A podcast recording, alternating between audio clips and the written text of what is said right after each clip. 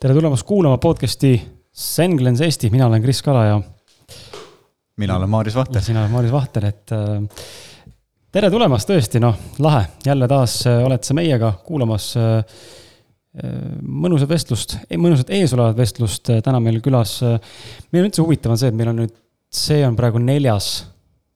külalisega saade. külalisega podcast. viies podcast nagu numbriliselt. jah, et äh, meil on iga kord olnud täiesti seinast seina, eks ole, eelmine eelmine kord rääkisime biohäkker Siim Landiga, eelnevalt on meil olnud ka terapeute, ähm, kes on veel käinud, on siin vahepeal juba? terap-, siis oli Irene. jaa, voh, Irene ka, kes on ka no osaliselt terapeut, rännaku meetodi sihuke äh, praktiseerija või viljeleja mm. ja täna on meil siis äh, noh, võiks öelda ka, et mingil määral äh, füüsilise keha terapeut ehk siis treener äh,. Argo Ader ja, ja tema saab kohe sõna ka meil äh,, aga ma loeksin hea meelega sisse äh, siia sulle või sulle ette äh, sellise mõnusa väikse sissejuhatuse, et sul tekiks üldse arusaamine, kes on Argo ja kui sa varem temast midagi kuulnud ei ole, sügav kahtlane muidugi, aga aga nime, nime kindlasti oled kuulnud, et nimi on sul väga äh, meeldejääv, hästi lihtne nimi on, et just nimelt see mõlemad on A-tähega, nii perekonnanimi kui eesnimi. aga juhul, kui sa ei tea, siis äh, väike, väike ülevaade sulle siit tulemas on ja siis juba lähme sellise mõnusa vestluse juurde ja räägime siis täna väga huvitaval teemadel nagu ma ütlesin, tänase saate külaline meil siis stuudios istub meil siis äh, Argo Ader, kes on tegelenud kulturismiga enam kui kakskümmend aastat ning alustas oma treenerikarjääriga aastal tuhat üheksasada üheksakümmend kolm. kujutad sa ette, kaks aastat pärast seda, kui ma olin sündinud. Argo, mida kuuled, et mis toimub päris ammu teinud juba. et ähm, ta on läbinud ka FT ehk siis fitnessi baaskursuse, jõusaali treeneri ning jõusaali treenerite edasijõudnute kursuse. Argo omab äh, Les Millsi Body Pumpi ja Pump FX litsentsi ning EKFL ehk Eesti Kulturismi ja Fitnessi Liidu kolmanda taseme treeneri kutsetunnistust. aastal tuhat. siin teeks väikse paranduse, et, et see kolmas kategooria, seda enam ei ole. ei eksisteeri? ja nüüd on, nüüd on, mul on kuues kategooria, kokku neid kaheksa, nii et, et kuues on selline Aa. suhteliselt kõva, kõva tase juba. ehk siis kolmas muutus kuues ku,, kuuendaks nii-öelda või? jah okay,, kolmas muutus viiendaks. aa, okei okay,, huvitav huvitav, kohe jõuame selleni, miks see muutus ka võib-olla äkki mm. hakkas rääkida. Äh, aastal tuhat üheksasada üheksakümmend viis ähm, omandas Argo siis kõrghariduse rahvusvaheliste majandussuhete erialal, kus äh, ta täna ilmselt eriti väga ei toimeta, äh, aga sellest kuulme ka miks. ja lõpetanud on ta siis MI või MI massaažikooli, klassik, mille alla käivad siis klassikaline massaaž, spordimassaaž, lihaste manuaalne testimine ja Argo on oma karjääri jooksul saavutanud kulturismi maailmameistrivõistlustel kuuenda koha hõbemedali maailmameistrivõistlustel fitnessis, hõbemedali Euroopa meistrivõistlustel fitnessis ja olnud mitmekordne Eesti karikavõitja, fitnessi meister. ja tema hobideks on võrkpall, sukeldumine, jõusaal ja kõik alad, mis pakuvad adrenaliini. loodetavasti ka tänane podcast natukene ja, ja tänase saate juures siis või jooksul raames vestleme siis just nimelt selliste teemade nagu sport, treening, doping saavutamine või saavutamisvajadus tervis, toitumine ja, ja seedimine, nii et äh, tere tulemast äh, podcast'i ja siia meie tagasihoidlikku sellisesse kontorisse. on rõõm olla siin teiega koos. väga lahe. ma ei ole, mul ei ole õnnestunud sinuga varem kohtuda, ma olen mõelnud sind äh, kutsuda ausalt meie podcast'i ka, aga näed, nüüd me kohtume sinuga hoopis teistsuguses raames ja, ja kohtumine saab tehtud. tuleme selle sissejuhatuse täpsustava küsimuse juurde, et tänaseks on siis muutunud treenerite kategooria tunnistuse või kutsetunnistuse saamine, et miks see muutus ja mis seal siis täpsemalt, mis see, mis see põhjustas seda dünaamikat? Tegelikult on see kõik äh, kogu Eesti spordi kadist-, kadistri siis äh, ühtlustamine mm -hmm. ehk siis äh, kõik nii-öelda sporditreenerid, kõik kutsed on viidud ühele standarditele. ja need on siis uute standardite järgi on jah, minu eelmine kolmas muutus viiendaks automaatselt ja, ja siis ma nüüd üks aasta, aastaga tagasi tõstsin oma kategooriat kuuenda peale, nii et, et et vaikselt, vaikselt liigume ülespoole, nii et, et selles mõttes jah, et on, et kui on aru saada, et, et kui on näiteks kuues kategoorias on äh, nii-öelda vanem treener, siis on ta üle Eestilise, kõik on niimoodi paika pandud mm. -hmm. ja kaheksas on siis lagi? kaheksas on selline, et me Eestis vist on praegu ainult äh, kaheksas, ma arvan, kuskil neli või neli inimest üldse. Need on sellise erilise, erilise teenete eest, äh, seda ei saa taodelda, vaid see, see antakse ah, olümpiakomitee okay. poolt, antakse see nii-öelda kõige suurem tunnustus. see on nagu, see on nagu spirituaalses mõttes valgustunu põhimõtteliselt küll. oota, aga nüüd mul tekib nagu. see on see elu, elutöö preemia, ma arvan. ja, ja aga seitsmendat saab siis nagu veel taotleda või teha mingeid eksameid ja, Jah. ja kaheksa? jah, seitsmendat saab teha küll ja seal on teatud omad tingimused, mis, mida peab täitma ja siis selle võtab vastu olümpiakomitee poolt määratud komisjon, kes kutsub sind vestlusele ja siis nad vestlevad sinuga ja vaatavad, kui, kui tark sa oled ja kas sa vastad seitsmenda kategooria kohtu, see treeneri kutsestandardile. no nii, Urmas, paneme liistule et eh, tuleb Urmasega rääkida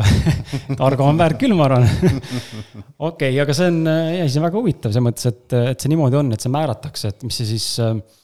kuidas sina ise nagu täna tunned, et et kas see on nagu õigustatud, et neid on ainult neli Eestis või noh, mingi käputäis või, või sa, või pigem sa arvad, et ähm, see ei ole nagu selles mõttes ebaõigustatud see või neid võiks nagu rohkem olla, kaasa arvatud sina ise näiteks, sest tegelikult su repertuaar on suur ja lai. ei, ma kindlasti võib-olla ei ole veel oma elu jooksul nii palju saavutusi saanud, kui need just teenet, teenet, teenet, teenetavad need treenerid. nii et selles mõttes ma iga, nad on igasti õigustatud ja nad on tõesti terve ma arvan, elutöö, elutöö sinna pannud sellesse nii-öelda valdkonda, mida nad treenivad, näiteks üks on, on Peeter Vahtra, kes on äh, väga-väga pikalt olnud Eesti võrkpalli nai-, naiskonna pe- peatreener ja ja igal pool siin Eestis ja välismaal olnud treener, nii et, et ta on tõesti nagu elutöö preemia, ma arvan, selle, pärast ta selle saigi, nii et. Et mina olen, ma olen oma kuuendaga praegu väga rahul ja, ja minu eksam oli ka selline, et et ma treenisin ühte Krossi poissi, siiamaani treenin, üks Martin Michalis, kes tuli minu juurest üheteistaastaselt ja, ja praegu ta on kaheksateistaastane. ja ma olen ta viinud vähemalt kolme, kolm korda Eesti meistriks selle Krossi sõidus, nii et, et ma seda nii-öelda seitse-kaheksa aastat jälgisin kogu aeg tema nii-öelda progressi, ma salvestasin kõik info ja nii-öelda jälgisin kogu aeg, et mis, mis selle protsessiga nagu kaasa, kaasneb et siis seda füüsilist poolt, või sa ise oled krossi sõitja ka veel? ei, ei, ainult puhtalt füüsiline ja kuidas see minu, minu poolt välja mõeldud treeningsüsteem mõjub talle mm, -hmm. et kas see annab sellist tulemust, nagu me tahame. aga see põhimõtteliselt andis küll, sest kui ta tuli minu juurde, siis ta oli oma, oma vanuste seas oli ta kuskil alati kuskil viiendal-kuuendal kohal. ja kuskil aasta pärast äh, oli ta juba Eesti meister ja ma ise enda poolt saan ka kinnitada, et äh, olles Argo mm, õpilane või, või, või, või siis treenitav, et tõepoolest karistatav. jah, et kui seda vastupidavustrenni nagu Argoga teha, et see tõepoolest tekib nagu, et, et väga-väga tugev vastupidavus ja see on jah, tõesti on see, et, et on, ma olen välja mõelnud või saavutanud sellise, et seal ei ole midagi keerulist, aga erinevate spordialade puhul ma näen, et ma treenisin ühte tai-boksi venda kuskil neli kuud ja pärast seda ükski treener ei tahtnud enam temaga trenni teha, lappasid, sest ta ei väsinud ära mm. -hmm. ta pärast kolme minutit äh, nii-öelda trenni hingas kaks korda sisse-välja ja oli, oli ära taastunud ja võis uuesti jälle alustada nii-öelda seda kas siis koti peksmist või lapasi peksmist, nii et, et lõpuks tal poligi see, et keegi ei tahtnud teha, siis tal pandi kummid ümber selja käte, et, löögid ei oleks nii tugevad nii et, et seda on igatpidi võimalik rakendada. aga trennis tekib jah, nagu sa ütlesid, Kris, vahepeal karistatava tunne et veremaitse on suus ja, aga see töötab, aga see töötab, aga see töötab. trennis tuleb hoolikalt oma sõnu valida, sest ma kuulan väga hästi. just, just. ehk siis tegelikult treeneri juures on, mida, mida ma usun, mina vähemalt imetlen ja ma arvan, et inimesed, kes vähegi suudavad äh, samastada, imetlusväärne tegelikult on see, kui ka sina treenerina näiteks oskad ja suudad. noh, sa tegelikult ju näed, sa tõid hea näite seitsme aasta jooksul neid Krossi äh, poisi või Krossi ütleme siis ala spordiala peal olevat äh, noormehe arengut, eks ole, sa tegelikult ju õpid äh, inimese anatoomiat, sa õpid kogu seda füüsilist kehaolekut, treening, taastuvus, kõike muid asju, kus mingi asi dünaamika temal mõjub, on ju eripära, on ju. et see on tegelikult nagu väike sihuke nagu teaduslik katse, ilma teadusliku noh, nii-öelda nende paberiteta on ju, et me ei ole nagu laboris kuskil katsejänesena, vaid saalis me tegelikult näeme seitsme aasta jooksul, mis inimesega mingi asi teeb jah, on küll, et ma arvan, ta viskas kasvu mingi kolmkümmend, kolmkümmend, nelikümmend sentimeetrit selle aja jooksul ja nii et, et väiksest poisist on muutunud selline noormees juba ja selline kõva tegija, nii et, et mehe hakatis. mehe hakatis jah. Väga lahe. et, ma, mul on olnud jah, selliseid juhuseid või selliseid õnnestumisi, kus äh, vanemad toovad mu noore, noorele poisi sinna ja ma olen teda treeninud seitse-kaheksa aastat järjest, nii et et lõpp, pärast lõpetavad ülikooli ja kõik muud ja hea näide on ka siin üks, üks poiss tuli, kes oli hästi tagasihoidlik ja endasse tõmbunud. koolis ei olnud hinded tal väga head ja, ja ma hakkasin no, noh, kergelt nagu juba isa eest tal natukene, et äh, tänu selle treeningule ta muutus hästi selliseks äh, avatuks, on ju, tal alles koolis hakkas parem minema, ta hakkas õppima juba neljadele-viitele ja põhimõtteliselt lõpetaski nii-öelda enam-vähem cum laude'ga lõpetas äh, gümnaasiumi, nii et et ka selline akti-, aktiivne füüsiline tegevus, trenni tegemine, see paneb ajurakud tööle. Verevarustus paraneb ja ajurakud töötavad paremini. mul on nagu niisugune hüpoteetiline küsimus ka sulle, Argo, ma ei tea, kas see vastab tõele, jälle põrgatama, et mulle nagu tekkis mõte, et vaata, me teame, mees, meestena on äh, paratamatult äh, sinu välimus tekitab mingisugust enesekindlust. on ju, ma arvan, et sa oled täna enesekindlam, kui sa olid, kui sa alustasid. kindlasti. mina oleksin enesekindlam, kui ma oleksin täna sinu lähedale või, või, või, nagu paremas vormis, kindlasti, ma üldse ei vaidle vastu. Huvitav oleks mõelda, ma ei tea, kas seda ilmselt mõõta niimoodi ei saa, aga ma sinu näidet kuulates tekkis mõte, et võib-olla see füüsilise keha areng just nagu lihasmassi kasvatamise mõttes ja võib-olla ka madala rasvaprotsendi juures, sa kasvatad enda lihast. sa ei pea olema ilmtingimata kulturist ega siis fitnessi vallas, aga võistlema, aga noh, optimaalselt tegeled sellega. et see enesekindlus, mis sa saad välisest, ütleme siis sooritusest või heaolust iseenda suhtes kandub üle sellele, et sul on parem sooritusvõime ka mujal, sest sa oled enesekindlam, noh, muutud sotsiaalsemaks, sa oled rohkem julged väljendada, tüdrukutele läheneda, on ju. tänu sellele lähevad hinded paremaks, sest sa taha, näed, et see töötab, eks ole. ja mulle tundub, et seal on ka see psühholoogiline pool juures vähem meesterahvaste puhul ja kindlasti naisterahvaste puhul, ma arvan ka. jah, see on juba tegelikult, ma enda peas olen seda ära tõestanud juba, et, et mul on olnud selliseid meesterahvaid vanuses nelikümmend, kes on äh, oma kehaga ei ole üldse nagu rahul, on üle, ülekaalulised nad on ebakindlad, nad isegi ütlesid niimoodi, et kui nad lähevad nii-öelda daamiga, lähevad nii-öelda magama voodisse, siis ta ei võta, ei võta särki seljast ära, et ta niimoodi kardab või häbeneb oma keha nagu. ja ma olen suutnud äh, päris mitu meest äh, tuua sellest nii-öelda august välja ja hakanud trenni tegema koos ja selline kahe, kaks aastat, kolm aastat koos trenni teinud ja mehed on nagu sada protsenti muutunud nad on enesekindlad, nad on, tunnevad ennast hästi, neil on lihastreening on teinud nad tugevaks,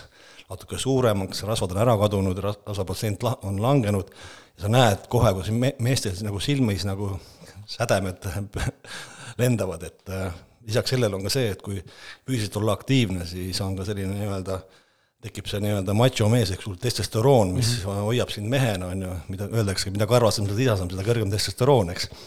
et sa näed, et kuidas mehed muutuvad nagu, et see kindlasti jõusaal on üks selline koht küll, kus äh, üle neljakümneaastased mehed peaksid kõik käima vist. seda on, see ei ole minu öeldud, vaid seda on öelnud nii, nii südamearstid kui meestearstid äh, ütlevad, et, et mis te sinna, et mehed üle neljakümne, et mida te ronite sinna triatlonit tegema, on ju, et äh, kurnate ennast niigi ära, on ju, et minge parem jõusaali. nii et, et need on niisugused kuldsed sõnad nii-öelda meedikute poolt.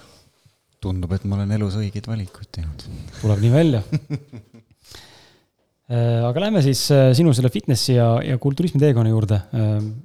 kui sa vett soovid, siis palun, siin on sulle pudel ka vahepeal. aga sa oled alati olnud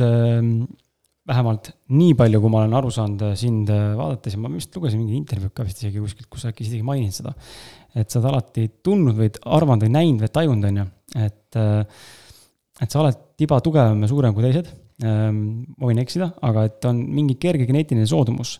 Ehm, või ehm, kui sa nüüd ennast vaatad enese tulemusena, või see pigem on siiski see, et see on puhtalt distsipliini ja töö tulemusena nagu tekkinud ütleme, tahe või, või füüsiline vorm või olek? no siinkohas on, ma pean tänama oma esimest võrkpallitreenerit, et kes üks treeningu ajal, poole treeningu ajal tuli minu juurde ja ütles, Argo davai, kebi jõusaali, et sul on puusad laiemad kui õlad. mõtlesin, vau, et mis asi see nüüd see oli, et omast arust noh, olin kõva mees, mängisin võrkpalli ja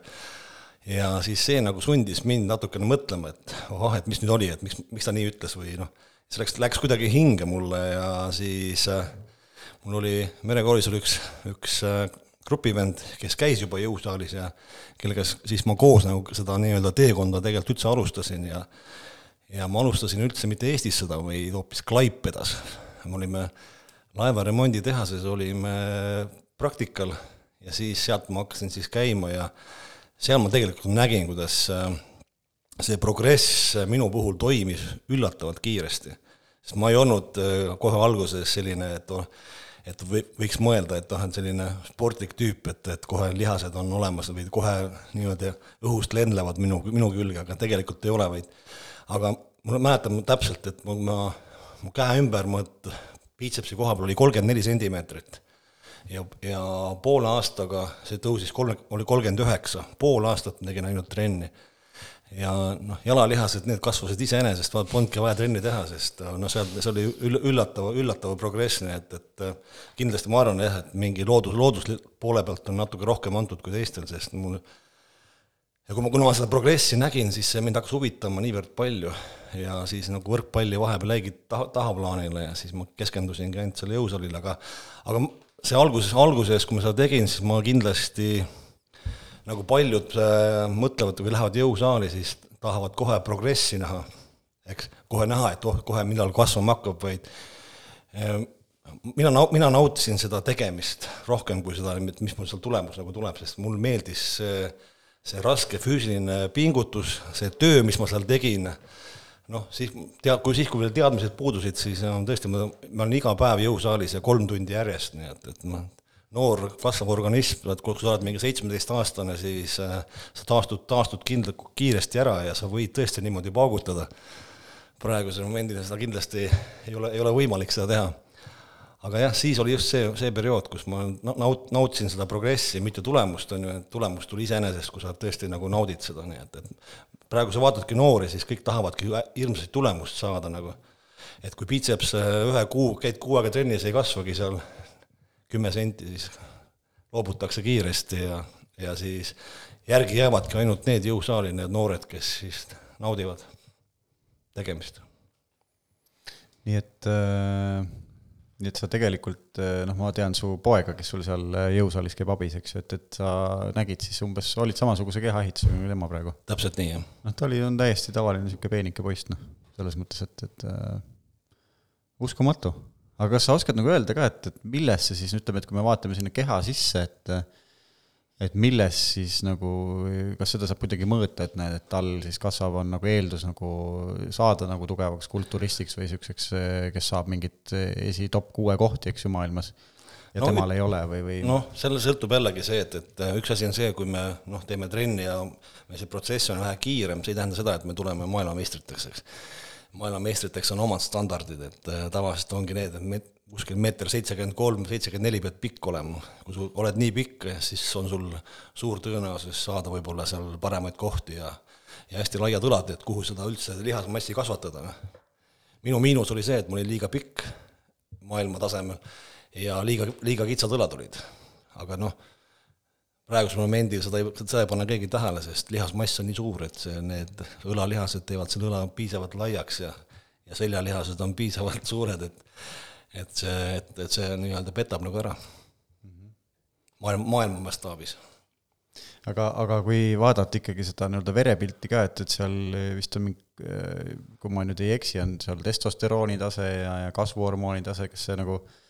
no, ma tean, et ta nagu, nagu vananedes, eks ju mm, -hmm. need nagu hakkavad kahanema mingist aastast, eks ju, aga kas noortel on nad üldiselt nagu ikkagi sarnased või seal on ka mingi erinevus või, või kuidas nagu see pool seal on? no seal on ikka erinevus, et see on, kuidas äh, kellelgi organism seda hakkab tootma, seda kasvuhormooni ja kui, mis geneetika seal üldse on, kuidas vanematel geneetika on, eks,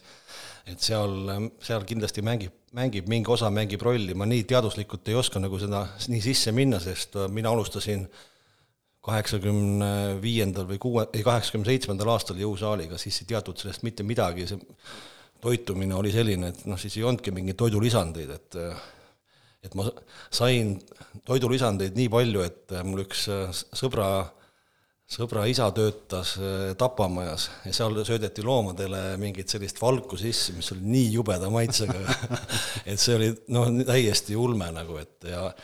et see, seda, seda ma siis poest, mida saadaval oli ainult hapukoor ja siis ma pidin seda segama hapukoorega ja ma sõin ja öökisin seda ja, ja see et see oli selline aeg, kus tegelikult jah, ega otseselt nii väga, mis praegu toidulaual saada ei olnud, nii et aga no aga eesmärk oli ees ja eesmärk, siht oli ees. eesmärk oli ees ja nägid tulemust ja ja praegusel momendil ongi, ega ma väga ei, väga mina ei pooldagi neid toidulisandeid, et nii palju peab nüüd tarbima, et, et mul on küsimus veel äh, selle kohta, et, et äh, ega ju noortel poistel, sa ütled ka üheteistaastaselt hakkasid treenima nii-öelda niisugust nii-öelda mõnes mõttes noorte mõistes tippsportlast, on ju et ma ei tea, kui vanalt hakkavad üldse lihased kasvama ja, ja, ja vist hakkavad mingi murdeeas, kui ma ei eksi, või kuskil sealmaal. ja, ja kas enne üldse on siis mõtet trenni teha või, või jõusaali või, või äkki sa räägid nagu seda poolt ka lahti, et miks siis nagu varem käiakse üldse jõusaalis? noh, tegelikult kui me vaatame noortesporti, siis noortesport hakkab väga, väga varakult pihta, eks. Et äh, võta, võta kas või mingi, mingid sellised iluvõimlemised, on ju, nii, mis on äh, noh sul ongi seal, oled üheteist, kaheteist aastaselt oled noh, just tüdrukute poolest tipp, tipptasemel ja noh, noh, meestel vähe, vähe hiljem, nii et, et tegelikult et see oht, et äh, nagu räägitakse, et ei, et jõusaali ei tohi teha, et kasv jääb kinni, noh siis see ei ole võimalik. Vaatadki Mart Seimi, siis Mart Seim on kuskil meeter kaheksakümmend kaheksa pikk, on ju, ta on juba väikse peale isaga koos äh, klassikalist tõstmist teinud ja ma, siis ta peaks olema, ma arvan, meeter viiekümnene praegu, kui seda, seda nagu uskuda, et aga mis see nagu siis annab näiteks jõusaal, kui lihas veel ei kasva sinna peale noorena, aga mida ta siis, mis, mis see nii-öelda vundamenti ta laob, kui seal nii-öelda varem teha? no see ongi üld, üld, me räägime üldfüüsilisest, on ju, et ega mina ka sellele üheteistaastasele poisile ei hakanud kohe tegema nii-öelda lihas kasvatamist, kuigi see, tal seda vaja nagu oli, sest oli noh, alla igasuguste alakaaluline nii-öelda aga pigem just see, et, et, et kuna krossi oli vaja sõita, ka no sõidetakse ju viieaastaselt, isegi kuueaastaselt, on ju, aga kui sul jõudu ei ole ja lihas äh, sitkust ei ole, siis sa ei jõua seda nii-öelda tsiklit üleval hoida, tal oli samamoodi probleem, et äh, viiest ringist kolm ringi sõitis ära, ülejäänud lihtsalt ei jaksanud, sest äh, jõudnud enam kinni hoida tsiklist ja tsikkel kukkus maha ja ta kogu aeg kukkus, nii et seepärast oligi kogu aeg seal tagapool. nii et, et pigem ikkagi on selline nii-öelda teadlik treenimine mis ees, mille eesmärk ei ole lihaskasvatus kindlasti. see ongi nii-öelda üldfüüsilist nii-öelda vastupidavust ja võib-olla liigestele siis ka nii-öelda sellist nagu jah, täpselt, täpselt nii. lapsed on eriti sellised paindlikud ja kõik liigesed ja kõõlused kõik kasvavad, nii et, et seal ei, ei tohi kindlasti ei tohi üle, üle teha mm, -hmm. nii et, et, et mingit sellist rasket lihastreeningut ei maksa teha mm. -hmm. sa mainisid enne seda, et ähm noh, et jõusaali jäävad alles piltlikult öeldes need, kellel on siis, äh, kellele päris meeldib see spordiala või see valik või see treeningviis. Äh, oskad sa kommenteerida treenerina, kuna sul on päris suur kogemus, siis just nagu vaadates erinevaid inimesi, kes sinust läbi käinud on, et mis on see veel sellised noh, ütleme, ma ei tea, baasprobleemid, baasvajakad, millega tegelikult saaks tegeleda äh, ja mis annaks ka tulemust või need kaoks ära, kui sellega tegeleda, mis tegelikult siis omakorda soodustavad seda, et inimene jätab trenni pooleli, sest me teame kõik, eks ole, mina ise olen see, kes hüppab kogu aeg saali ja siis noh, okei, ma, ma saalis ei treeni ennast ammu juba, aga üritan teha kehakaaluga trenni või mis iganes muid asju, mul on kogu aeg pisteline, teen mingi aeg kolm kuud, siis pool aastat ei tee, see kuidagi vajub täitsa lambist ära. saan aru ka, et mul ei ole huvi, on ju, see ei ole minu jaoks nii suur prioriteet täna, aga, aga samas mingi huvi on, ma lähen kogu aeg tagasi. aga ei ole, ei ole nagu järjepidevust, on ju, noh, mõnel on see, et on uusaasta lubadused, on ju. esimene jaanuar hakkab pihta, kolm päeva teen, siis kurat, ütles, et piits ei kasva, on ju, persse ma ei viitsi. et mis need veel on peale selle, kui huvi puudub või ei ole nagu sihukest nagu fanat-, fanatismi sees, mis see veel võiks olla, kas on, ma ei tea, vale treenimine, liiga rasked raskused kohe või, või ma ei tea, teistega pidev võrdlemine või noh, mis, mis seal veel nagu võiks olla selliseid dünaamika, mida inimesed tegelikult kasutavad? no see on tegelikult hästi palju, eks noh, selline, kus minu juurde satuvad just äh, mehed näiteks on selline võib-olla vähe äärmuses on see, et kui millegipärast on pere lõhki läinud ja mehed on on äh, jäänud üksikuks ja peavad jälle hakkama ennast minema turule pakkuma, siis mehed ronivad kõik jõusaali kohe. et jälle ennast atraktiivsena näidata ja samamoodi ka vastassugupool, eks.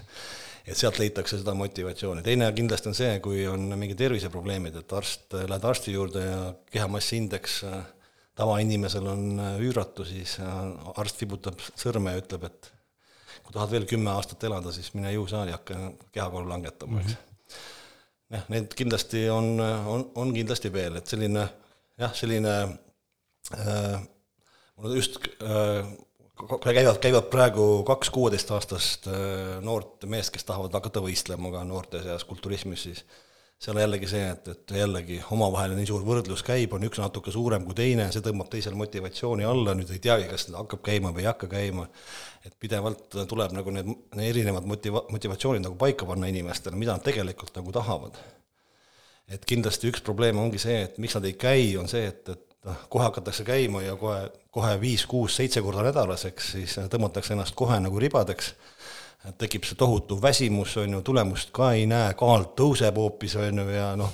seal on erinevad sellised sümptomid, mis, mis äh, võtavad selle motivatsiooni kohe alla ja samamoodi, sama kiirelt kui tuldi, sama kiirelt minnakse nagu ära, noh. nii et, et jah, et äh, no siin ongi see, et, et tegelikult tuleks, igaüks peaks leidma endale selle ise selle, et äh, et mida ta tahab tegelikult mm, -hmm. noh, kõik, kõige lihtsam ongi see, et, et ära mõtle oma peas neid ise asju välja, et äh, ma olen igapäevaselt juba kakskümmend aastat vähemalt, ma tean neid inimeste probleeme, mis neid vaevab, on ju, et tegelikult piisaks sellest, kui tuleks, võtaks äh, ühe personaalse sellise vestluse treeneriga ja saaksite need kõik asjad nagu selgeks rääkida, mis probleemid nagu on ja mida tahetakse ja, ja treener tegelikult saaks panna paika selle nii-öelda kogu selle teekonna, mida sa peaksid nagu käima, kust alustama, mis, millal tõsta nii-öelda treeningkoormuseid, on ju, millal vahetada näiteks, on ju, treening kas või ala näiteks, et vahepeal teha midagi muud, et see olekski järjepidev, nii et, et sul, noh, sul peab olema keegi, kelle käest nõu küsida. internet on täis pff, niivõrd palju, sadu miljoneid lehekülgi võib-olla, kus keegi, igaüks räägib ja ja noh, ütleb, mis, mis vaja teha on või nii, et sa ei, sa ei oska sellest välja selekteerida, mis see tegelikult õige on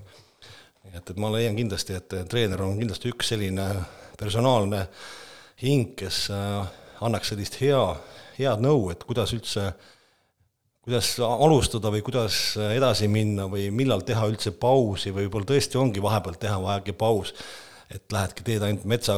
metsakõndi võib-olla, võib-olla sellest piisab, et natukene jällegi taastuda ja siis tuled jälle tagasi või noh, paljudel inimestel ei ole sellist nii-öelda rutiini taluvust, eks. Mul on selline, et ma võin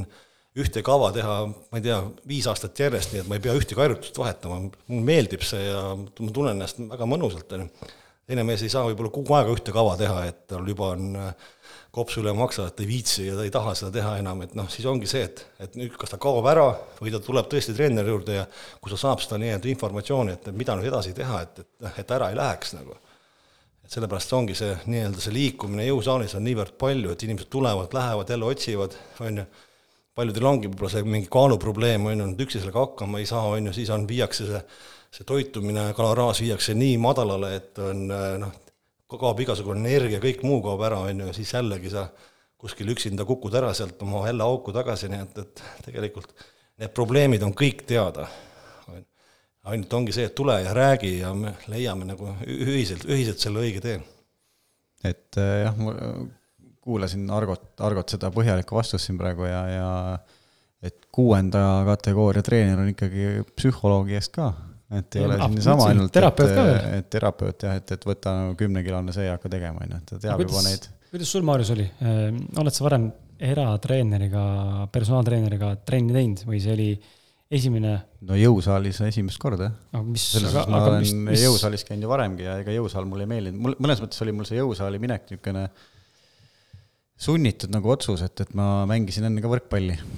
ja, ja siis Argo ma..., Argo ütles sulle, et sul on äh, tagumik laiem kui alad, et Rais Marjus. sellest ma sain mingil hetkel ise juba aru, et ma nagu olin käinud jõusaalis, aga noh, võrkpallil mu, mul niisugune põhi, põhiharrastus või, või lemmikspordiala, kas ma vigastasin oma põlve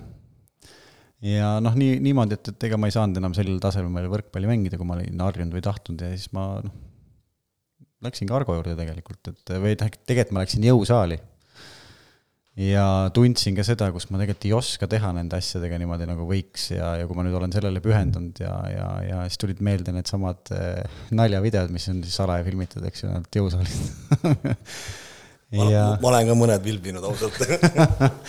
Ja, ja, ja siis ma nagu otsustasin, et mis seal ikka, ma lähen Argo juurde küsin, et, et äh, noh, teeks siis. Koos, vaata, õpeta mind. See oli mingi kolm aastat tagasi vist juba et ma olengi käinud ja, ja, ja väga,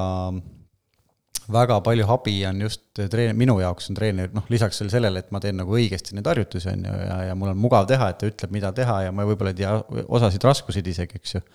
ta paneb mulle need ära, aga aga ma lähen nagu kohale, kui on kokku lepitud, noh suvi on muidugi sellisem nagu eh, noh, laialivalguvam rohkem, on ju, et, et see treeneritele ei meeldi no, ma arvan, et nad oskavad ka arvestada sellega, et suvi on üks niisugune vabadusaeg, vaata, aga no põhimõtteliselt ikkagi, kui äh, jälle niisugune sügishooaeg hakkab, et siis on nagu ikkagi mingid kindlad ajad ja ma tean, et ootab mind ja siis ma nagu lähen kohale ja, ja, ja saan teha, et, et see annab mulle nagu motivatsiooni. ja noh, seda on nagu tulemustes siis ka näha, eks ju kui palju sa treenerina, Argo, ise sekkud, kui sa näed reaalselt äh, noh, lihtsalt kasvõi seal ringi jalutades omale rennides, et keegi teeb seal no mingit, ma ei tea, täitsa absurdseid asju, on ju, et äh, kas ma sekkun kohe okay,. Et... isegi siis, kui me oletame Mariusega koos trenni teinud, mis tegelikult ei ole üldse viisakas, on ju, et tema on nii-öelda mm -hmm. treening, treeningu eest maksnud ja ma äkki nüüd lähen kedagi teist õpetama, aga ma, ma arvan, mu, mu kliendid on selles mõttes teadlikud juba, et ma seda teen, nii et, et ma ei saa, ma, ma, mul on niimoodi, et ma, mind häirib jõusaalis, ma isegi ei näe, et keegi, et kes seda valesti teeb, vaid keegi teeb midagi valesti. Ja ma hakkan, hakkan otsima, kes seal midagi on, et siis ma näen, et noh, keegi teeb midagi, see ongi sellepärast, et inimesed tulevad tegelikult ju saali,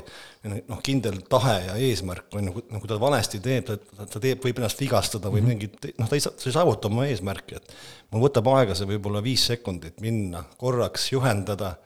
ja tagasi minna. meil on omavahel lihtsalt niisugune kokkulepe, et ma teen enne selle naljavideo ära ja siis ta läheb ja siis on veel see video, kus ta läheb appi, sa samal ajal filmid, onju, et saaks panna sotsiaalmeediasse, näed, treener aitas välja ühe venna, see, see väli, väli, validatsioon nii-öelda, valideerimine.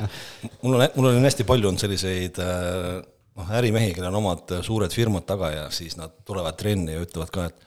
et ma ütlesin ka, et tegelikult noh, ta on juba, mõni on käinud kaheksa-üheksa aastat minu juures. et nad tegelikult oskaks, oskavad juba kõike teha, aga ütlevad ka, et et nad tahavad tulla selleks, et äh, nad ei pea mõtlema mm. -hmm. Nad tahavad hetke kus ta ei pea otsustama, ta ei, ta ei pea vastutama mille, millegi eest, ta tahab, tuleb sinna, ta teeb oma tund aega füüsilised treeningud ära ja ta ei, ütleb nii, et ma, kõik on minu teha. nii et, et see on üks pluss, ma arvan, selle treeningu juures. just, ja see ega, et kokku, kui on kokku lepitud, siis ta tuleb. kui kokku lepitud ei ole, siis ta ei tule mm. -hmm. see on kindlasti, mul on nii palju olnud, et äh, jälle mõni klient ütleb, et kuule, ma nüüd äh, proovin ise teha siis ma kaks kuud möödus, ma näen, vaatan programmis, mitu korda ta käinud on, siis näen, et on kaks või ühe, ühe või kaks korda käinud, siis ma saan aru, et et see kokku lepitud aeg on ikka niivõrd tähtis, et ta tuleks trenni, muidu ta mm -hmm. kaob ära jälle aga jah, ikkagi see ka, et, et praegu me lepime siin sellest mugavusest, räägime või kokkulepitud ajast, aga, aga ikkagi, et õigesti teha või õigeid äh, järjestusi või õigeid lihasgruppe või, või kuidas neid miksida, et see noh, üli-ülioluline, ma enda kogemusest tean rääkida, et noh, ma olen ju varem ka käinud ilma treenerita, noh, ma ütlesin võrkpalli ajal ja siis me tegime ikka suhteliselt niimoodi noh, lugesime mingit materjale ja arvasime, et see on nagu õige ja, ja noh, eks ta mõnes mõttes ongi, ega ta nagu päris nagu mööda külge alla ei jookse, aga tõesti nagu vigastuse oht võib seal tulla. eriti, kui sa võtad ka mingid raskused juba peale, mitte ei tea, keharaskusega, eks ju, ja, ja, ja noh just see enesekindlus seal äh, jõusaalis ka, et ma oskan nagu kasutada neid agregaate, on ju, mitte nagu, et aa oh,, ma ei tea, mis on, ma parem ei lähe, äkki lolliks ka veel. et teen siin oma lihtsalt kangi rinnalt ja. no paljud ongi see, et, et ei, ei julge tulla jõusaali, sest nende jaoks on see nii selline nii uudne koht, et nad ei oska mitte midagi nagu teha selleks. aga tegelikult see on jälle selline vale häbi või noh, et meil on no,, tavaks on see, et, et ma olen ennem jooksen kümme kilo metsal ennast väiksemaks ja peenemaks ja siis, siis julgen jõusaali tulla nagu noh, sellised asjad nagu, mis, mis on täiesti valed, mida ei tohiks, tohiks tegelikult teha. selle valesti tegemise juures äh, vale vorm ja, ja üldse sooritus, soorituse nagu puhul, nii palju, ma aru olen saanud, siis ongi seesama asi, et kui sa õpid juba valesti ära, eks ole, alateadvus saab kätte selle ja keha õpib äh, kohanema selle vale tehnikaga nüüd seda, seda korrigeerida on kordades hullem, noh, võtab kor-, korduste mõttes võtab rohkem aega piltlikult öeldes, kui sa teed, ma ei tea, sada korda õigesti, on ju, nüüd on käes või sa teed eelnevalt oled valesti teinud, nüüd seda ümber õpetada on a la tuhat korda rohkem teha, nii et see nagu keha saaks uuesti ennast nagu õigesse sellesse siis ma ei tea, kuidas nii, vormi või õigesse sooritustehnikasse. jaa, kindlasti, seal on palju, on ju ka ajaline faktor, on ju, kas sa tuled jõusaali, oled seal, veedad kolm tundi või oled tund aega, teed efektiivselt oma trenni ära ja, ja lahkud, on ju, saalist. et äh, mul on, paljud kliendid ongi tulnud tagasi sellepärast, et kui ta on minuga on niisugune efektiivne tund aega, ta on suhteliselt juba rihmaks ennast tõmmanud ja saan-, saanud oma koormuse kätte ta üksi käib, siis ta teeb seal võib-olla kaks, kaks pool tundi. et nad ei suuda kunagi ennast niimoodi motiveerida ja niimoodi trenni teha kui treeneriga. ja seal on noolemäng ka, mis kohe võtab, hakkab aega võtma aga mis on optimaalne? kui me räägime nagu treeningusessiooni pikkusest, siis noh, sa rääkisid praegu tunniajasest, mõni on kaks pool tundi, on ju, keskmine ma eeldan, et on niisugune poolteist tundi, aga mis see, mis see tegelikult või kui palju see sõltub, kas see sõltub just kehatüübist, inimesest, naisest, mehest, kasvust, arengust, mille järgi nüüd äh, keegi meid täna kuulab siin, siis millega ta peaks arvestama, kui ta tahab nüüd jõusaali tulla näiteks, siis noh, ma pean arvestama, ma pean poolteist tundi kindlasti nüüd hakkama käima kogu aeg. noh, tegelikult on see, et ikka me räägime sellist äh, tund aega sellist efektiivsest nagu treeningust jõusaalist, eks sinna, sinna ette me võib-olla räägime äh, kümme minutit soojendust teha, sõud-, sõudeergomeetril või mingil muul, muul kardioseadmel, eks, noh, ja ja siis äh, oma klientidele ma kindlasti alati soovitan peale trenni ka selline mõnus viisteist minutit väike, väike rasvapõletus sinna otsa, mäkke kõndi, mitte mingit, mingil juhul jooksmist, vaid selline ongi selline, aga selline tund aega, inimene suudab äh, tund aega olla efektiivne ja treenida vastavalt treeningprogrammile täpselt nii, et ta jaksaks kõiki asju teha. kui see aeg läheb juba edasi, seal juba poolteist tundi, kaks tundi, siis äh, see lõpp on suhteliselt selline juba vaevaline ja sa ei, enam ei kontrolli, sa oled väsinud. seal võivad hakata tekkima igasugused äh, muud probleemid, vigastused või siis või siis ongi see ajakulu läheb juba nii suureks, et, et milleks seda aega nagu raisata? olen nagu märganud siin nooremana, ikka ümberringi sõbrad ja, ja tuttavad käisid ka jõusaalis, meesterahvad just, ja siis noh, mõne puhul oli ka väga palju arengut näha, tohutut arengut väga kiiresti, aga aga noh, väga tihti oligi, käis läbi see jutt, et mida kauem vaata jõusaalis oled, seda põhimõtteliselt kõvem vend oled, et noh, siis on nagu efektiivsem, et tund pole midagi, kaks on niisugune, et normaalne, aga kolm võiks nagu täis tampi anda, et siis jääd surnud vaata homme uuesti. et äh, see on hästi huvitav, et kust see nagu huvitav tulla võib ja mida, mida kauem sa oled, seda efektiivsem on. ei kujuta ette. noh, seal on vaata see, et seal hakkab mõju, mõjutama see toitumine ja kõik muud asjad, eks, et äh, kui sul enam kuskilt energiat võtta ei ole, on ju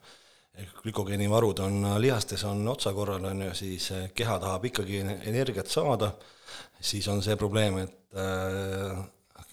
pulss on ka veel kõrge, kõrge pulssiga väga palju rasva põletada ei saa, siis ongi ju lihas, hakatakse lihast hävitama nagu ja võetakse sealt kõik see energia.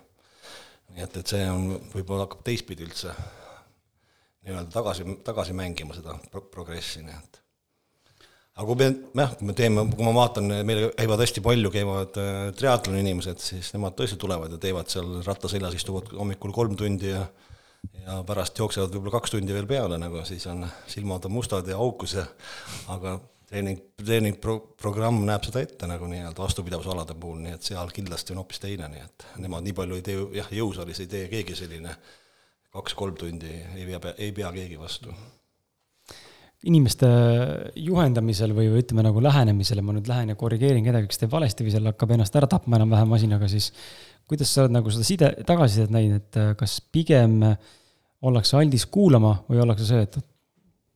noh, kui sa tuled segama, vaata, mis sa ronid siia praegu, et ma teen oma harjutust, et mis vend sa oled, kuigi sa oled treener. et mulle tundub, et meestel on see ego pool, vaata ka teinekord, kus on see, et sina tuled mulle umbes ütlema. no õnneks ma olen äh, käesoleval hetkel ma ei pea ennast tõestama, eks ma olen, kui mul peale vaadata, siis kõik saavad aru, et ma olen jõusaalis teinud ja kõik võib-olla õigesti teinud, et et see keha lihasmass on nii suur, et keegi ei hakka vaidlema minuga. ja kui ma ütlen, et nii on, siis tegelikult nii on, aga on, kindlasti on ka äh, nii-öelda selliseid noh, naisterahvaid, kes ütlevad, et, et ei, ma teen ikka niimoodi, sest mul treener ütles niimoodi et ma pean niimoodi tegema, kuigi ta teeb täiesti valesti, on ju, siis ma ütlen ka, et noh, okei okay,, et tee edasi, on ju. kes su treener on? ei, seda ma ka ei taha teha. et olla viisakas ja kliendile mitte ebameeldivust tekitada mm, -hmm. siis ma, ma ütlen nii, et aga, aga proovi niimoodi teha, on ju. et vaata, kuidas, kui teed niimoodi seda harjutust, et kas siis, kuidas, mis tunne siis nagu on. noh, tänu selle, sellele ma olen suutnud äh, pooled vähemalt ümber rääkida, aga on ka neid, kes jätkavad vanaviisi ja mõnele ma võin öelda isegi kümme korda ta ikka teeb, nii et, et. ja, ja ma omast kogemust saan ka seda öelda, et tegelikult, et kui sul on mingi uus harjutus, siis eh, noh, keha leiab nagu automaatselt selle kõige kergema viisi, kuidas seda teha. ja, ja see harjutus, mis on mõeldud, ma ei tea, mingisuguse kindla seljalihase jaoks, vaata, et siis see lihas nagu ei saagi tegelikult väga nagu, et sa teed seal mingeid makaroni liigutusi, on ju, aga noh, raskused ju muudkui kasvavad, aga noh, tegelikult see, mille jaoks mõeldud see ei saagi praktiliselt mingit koormust, et ja, ja, ja kui siis Argo ütleb, et oot-oot, fikseerib on ju ära sind sinna asendisse, siis vaatad, et see koormus on nagu ikka kolmandiku võrra liiga palju, vaata, et mm, -hmm. et mhm. ei jõuagi kujutan ette, et täna, üldse tegelikult täna on näha, see ei puuduta ainult trennivaldkonda, vaid äh, üleüldse missugune eluvaldkonda, kõik on täna spetsialistid, on ju. ma just nimetan kõik need, kes tegelikult ei ole paberitega või ei ole päriselt siis õppinud või professionaalid või pikalt äh, tööalase kogemusega, et kõik on spetsialistid ja, ja ma kujutan ette, kui jõusaalis sa näed teinekord neid nii-öelda mitte oh, oh, paberitega treenereid treenimas teisi inimesi, kuidas sa nendesse suhtud või kuidas, mismoodi seda kliimat tegelikult lahendada, sest need inimesed suure tõenäosusega ma pakun, et enamik ei tea, mida nad tegelikult teevad, eks ole. on kindlasti neid, kes on ise oma algatusel väga hea vundamendi endale ehitanud ja saavad aru asjadest, aga noh, suur osa, ma arvan, tegelikult ei tea lõpuni oo oh jaa, neid on tegelikult päris palju, et mõni inimene, kes mõtleb, et on äh, aasta aega trenni teinud, et nüüd ta on valmis ise treeneriks mm -hmm. olema, on ju, ja ja kui me vaatamegi tendentsi, siis näiteks ma ise olen, äh, olen äh, eksamikomisjonis praktilises osas ja kui me nii-öelda, me valmistame ette neid treenereid, siis kahjuks on jah see nii, et, et see näiteks kui ne-, vaatame keskmiselt nelikümmend inimest tuleb eksamile, siis minu juurde praktikasse eksamile jõuab võib-olla viis-kuus tükki ainult selline, selline tendents on, et kõik mõtlevad, et nad on targad ja juba oskavad ja kohe hakkavad treeneriks, tegelikult teadmised ja oskused ei vasta absoluutselt sellele nagu. ja jõusaalis jah, ma näen päris palju selliseid inimesi, kes noh, kellel on oma klientuur, nad käivad, teevad trenni seal ja noh, ütleme nii, et, et see kogu see jõusaalis käimine ja see on ju tegelikult äri ja business, on ju, et nii, et suurem osa on kõik eraettevõtluse peal ja ja siin kohapeal ei saagi, ei, ei olegi nagu mulle õigus võib nii-öelda kellelegi öelda nii, et kuule, et sa ei ole mingi treener, vaid noh, tuleb oma sõbraga, teeb, teevad seal koos midagi, noh, noh, las nad siis teevad, aga pigem ongi see, et, et noh, mina ise isiklikult ootaks seda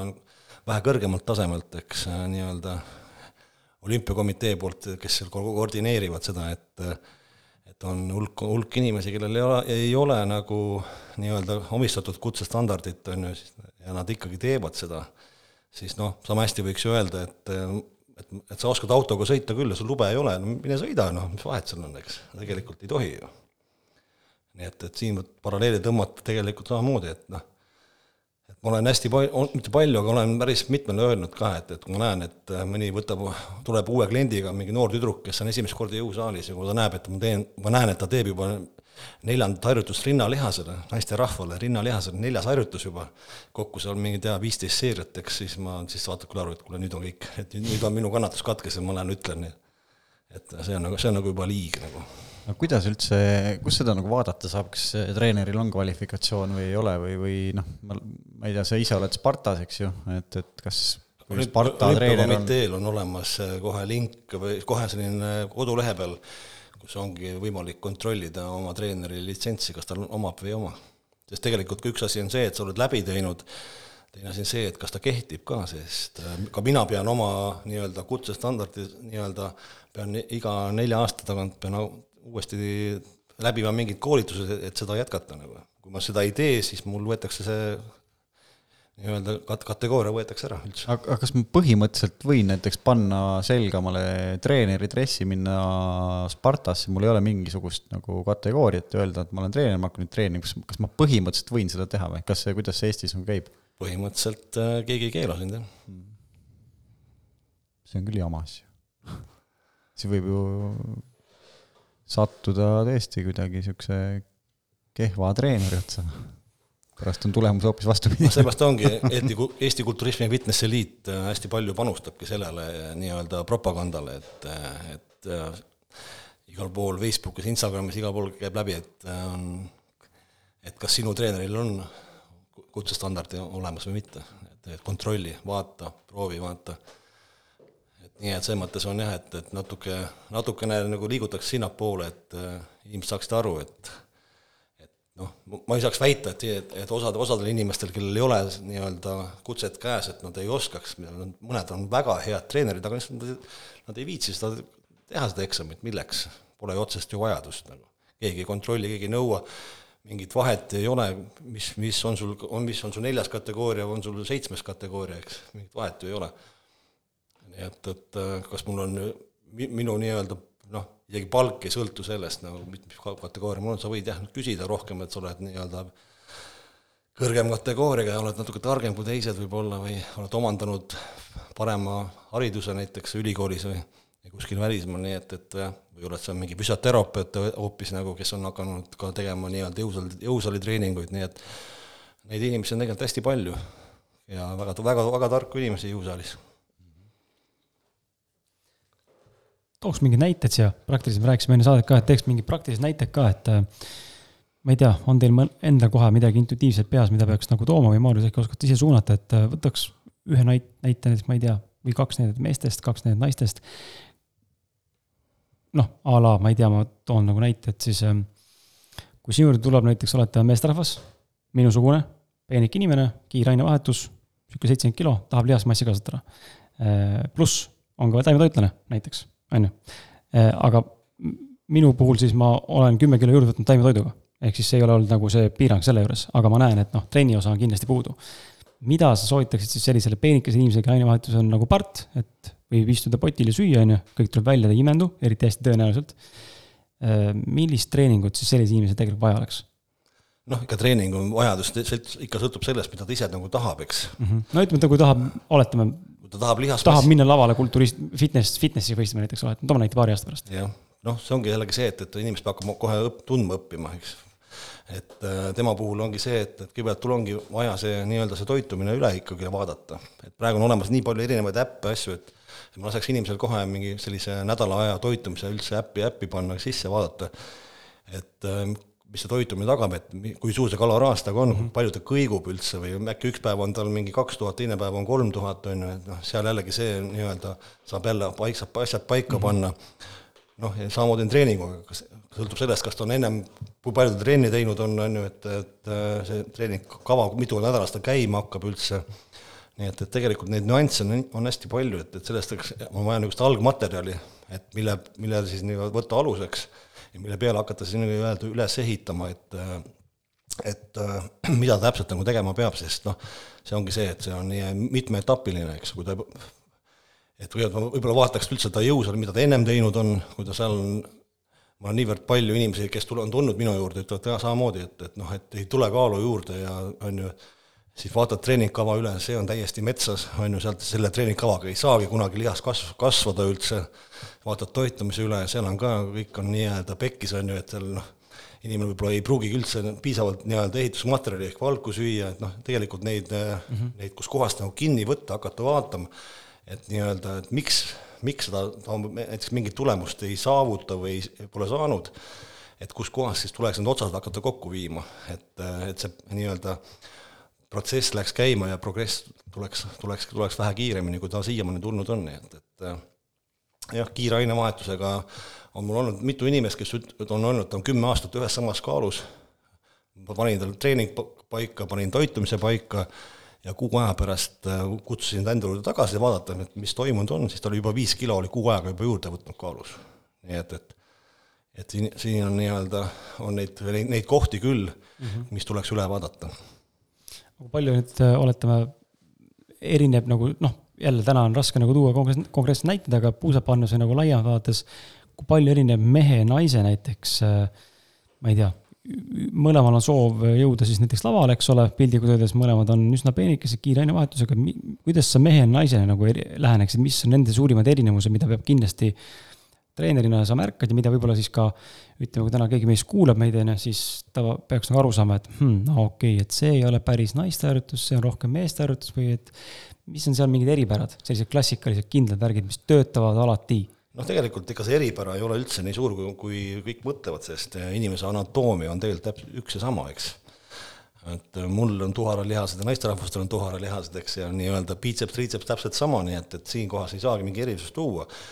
nüüd puut-, nüüd äh, võib-olla erisused tulevad siis, kui ta, ma tean, mis ala ta tegema nagu hakkab, eks, kui naine tahab minna bikiini fitnessisse, siis ma ise olen äh, kohtunik, siis ma tean täpselt, et mis proportsioonid seal peavad olema, mis seal nii-öelda esile peab tõstma, eks. et seal on, ongi see, et, et et äh, alakeha peab olema ühtemoodi treenitud ja ülakeha teistmoodi, nii et et, et, et siinkohas ongi see nii-öelda suund võetakse vastavalt sellele, mida keegi tahab, tahab mm -hmm. nagu mhm. teha, aga treeningut noh,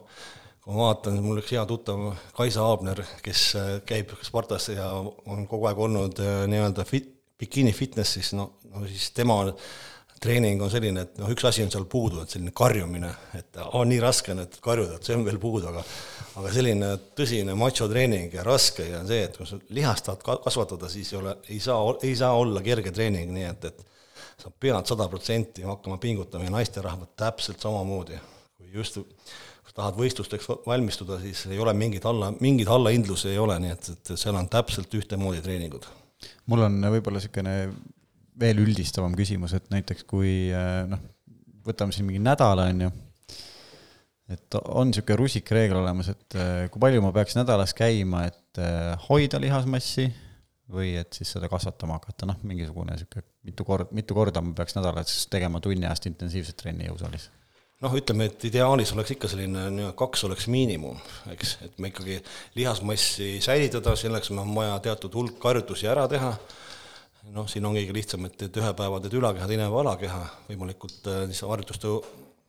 hulk paika panna siis sa nii-öelda säilitad seda lihasmassi, aga selleks, et see lihasmass säilitada, peab ka toitumine paigas olema, kui su toitumine ei ole, on ju, paigas, siis me ei saa jällegi sealtpoolt enam rääkida, et lihasmassi säilitame, vaid ikkagi no ütleme, et toitumine on paigas näiteks, noh, seal on, ma saangi aru, et väga palju nüansse on, aga ütleme, et lihtsalt nüüd, kui me nüüd kordadest räägime, siis kaks on need säilitamiseks. jah, no ütleme, et selline noh, neli on selline juba hea, et kui me saame hakata juba progressi edasi viima ja ja paremaid tulemusi saavutada aga noh, see, ma ütlengi, see sõltub ikkagi nii palju inimese enda, enda elustiilist, eks, et kui tegelikult, kui palju tal üldse võimalik on käia nagu. Nii et, et äh, mida ta saavutada tahab lõpuks. jah, et äh, mõni, mõni ei saagi võib-olla töö kõrvalt rohkem käia kui ainult kaks korda nädalas võib-olla mm, -hmm. tuleb ka selle peale mõelda ja ka sealt maksimum välja pigistada, et, et see tulemust nagu saavutada, nii et mm -hmm et ei ole, ei ole selliseid äh, kindlaid reegleid, vaid on iga inimene on omaette indiviid ja temaga tuleb tegeleda ja võtta teda kui nii-öelda erilist ja hakata te-, talle siis nii-öelda pakkuma seda nii-öelda teenust, mis tema eesmärk on ja mida ta saavutada tahab, nii et, et äh, ükski, ükski, ükski töö või ükski selline suund, kus sa lähed, ei ole selline lühike, vaid on pigem selline sinka-vonkaline, on nagu on edasiminekuid, on tagasilööke, nii et, et see ei ole üldse nagu lihtne, nii et ma olen alati öelnud, et kulturism ja nii-öelda see, see body, body fitness'id ja kõik, bikiini fitness on nii tänamatu spordiala, et, et sa, ma näen neid naisterahvad, kes võistlevad, kes on oma ideaalkaalus, on ju, ja siis äh, võistlused on läbi ja siis äh, kuu aja pärast sa ei tunne enam inimest ära, sest ta on viisteist kilo juurde võtnud. Et noh, siis on, siis sa näed, mõtled, kurat küll, et mis te teete nagu, et noh, aga see ongi see, et, et see, see ei ole, see ei ole üldse lihtne, see on nii raske spordiala ja ja ma ise samamoodi olen neid, nende ämbrite otsa astunud niimoodi, et noh, et ma mäletan, üks oli selline hea näide oli, et et nädal aega oli võistlusteni ja nii-öelda noh, nälg oli majas ja katus sõitis ära ja siis mõtlesin, võtan ühe tüki küpsist, on ju, ja siis sõin, ma ei tea, kolm pakki küpsist ja kaks pakki saia ja ja kõike muud, mis sinna sisse läks, on ju, et noh, et see ongi see, et noh, tegelikult see on nii raske spordiala, noh, jällegi, et seda energiat vä-, kõik välja saadeta sul kehasse ei läheks, siis oli liiter sooja vett ja näpud kurku ja kõik välja uuesti ja siis vatid selga, kümme kilomeetrit jooksu otsa, nii igaks juhuks, et vorm, et vorm mitte halva, nii halvema, halvemaks ei läheks, nii et, et tegelikult on see nii raske spordiala, et see, et see, need, kes seal, seal tippu jõuavad, need on ikka kõvad tegijad. Äh, võib-olla liiguksid edasi selle mm, nii-öelda palju kõmu ja, ja tundliku teema juurde üldse spordis ja tippspordis, eks, et, et äh, nagu doping, et, et või sportlased ju võivad pingutada ja teevadki maksimaalse, aga, aga nad näevad, et, et, et ei saa või, või, või saaks kuidagi lihtsamalt, et noh, praegu on ka ju olümpiamängudel oli Vene sportlastel nii-öelda esinemine oma lipu all lausa keelatud, et, et ja kohati, kohati on, on see teema nagu, mulle tundub kuidagi üle võlli, eriti kui need äh, nii-öelda öeldakse, et mingi kahtlased leiud on ja, ja kuidagi hästi väike on see tase, on ju, teisest küljest muidugi on neid vahelejäämisi nagu väga räigeid ja mõtlen, kuidas seda küsimust formuleerida, et aga, aga kuidas sina nagu endise tippsportlasena seda näed, et miks, miks minnakse seda dopinguteed või äh, või, või miks see nagu siis nii väga keelatud on, kas ei võiks ollagi näiteks mingi kaks mingit taset eh, võistlustel, üks on need, kes panevad sealt dopingut, eh, ma ei tea, ükskõik mida, eks ju, ja, ja ongi kõige kiiremad ja jube lahedad ja teised on siis need, kes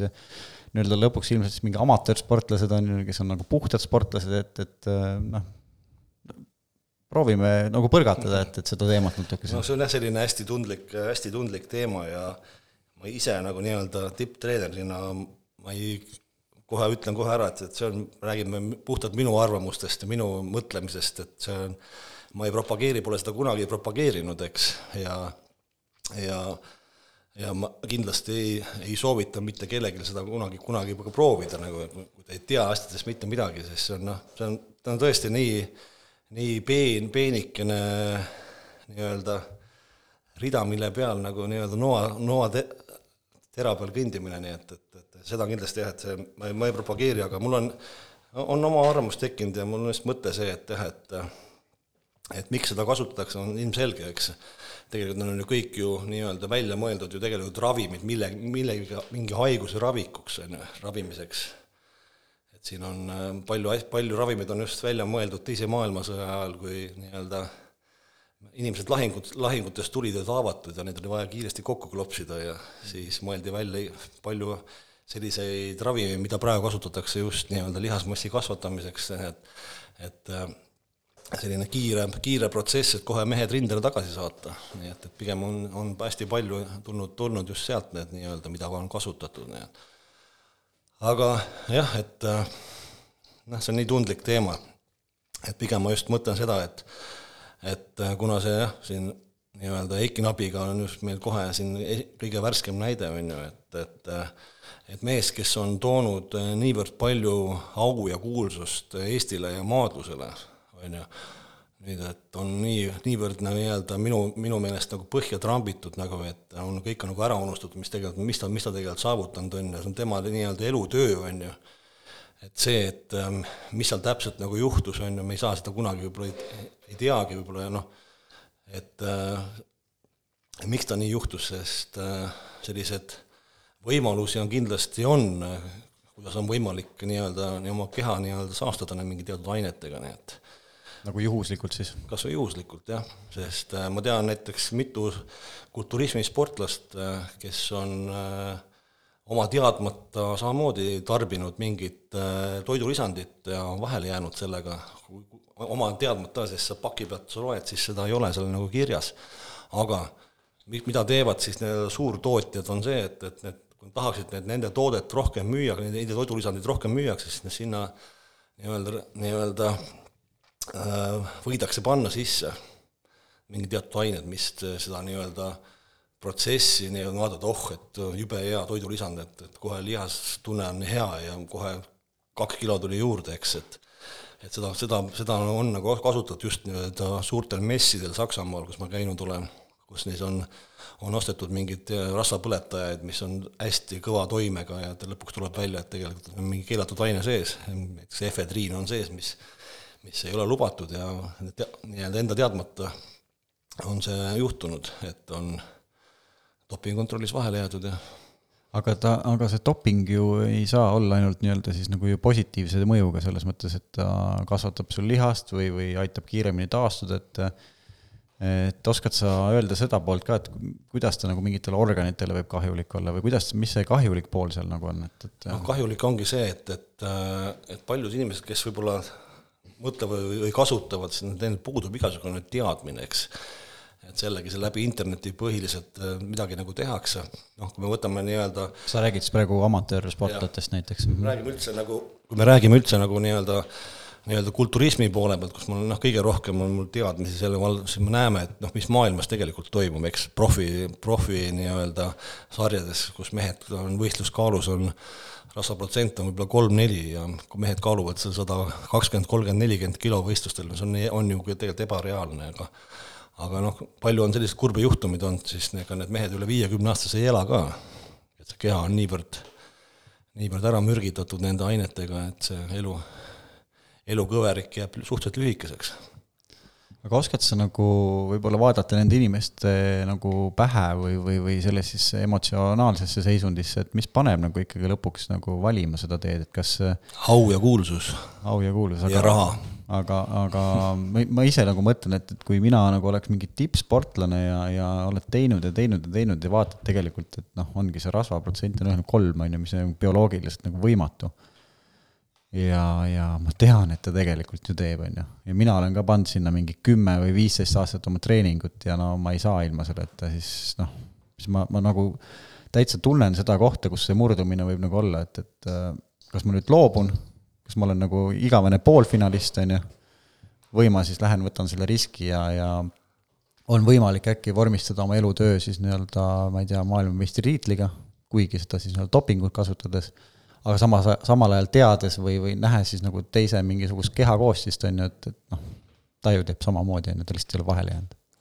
Noh, see ongi see, et me räägime niimoodi hüpoteetiliselt, et me ei tea tegelikult ja, ei, mitte midagi nendest asjadest, on ju, et et juba, juba kerge on kedagi nagu süüdistada, et kuule, et sa kasutad või see, et kui sa tegelikult ei tea seda, on ju, sa võid aimata jah, et nendest asjadest mitte kunagi nagu ei räägita nagu, et, et et mis, mis ma sellest üldse nagu arvan, sellest on see, et, et noh, okei okay,, et inimesed libastuvad ma ise olen samamoodi libastunud ja samamoodi toidulisanditega nii-öelda vahele jäänud, on ju, et äh, kas ma sellepärast nüüd äh, olen nüüd halvem inimene, kui sa, kui sa nii-öelda enda teadmatagi kasu, oled kasutanud või isegi kui sa teadlikult oled kasutanud, on ju, sa saad karistada, okei okay,, saad oma karistuse kätte, mis edasi? Sul juba alati jääb sul see nimi, nimi külge, et sa oled see dopingu vana, on ju, et sa oled kasutanud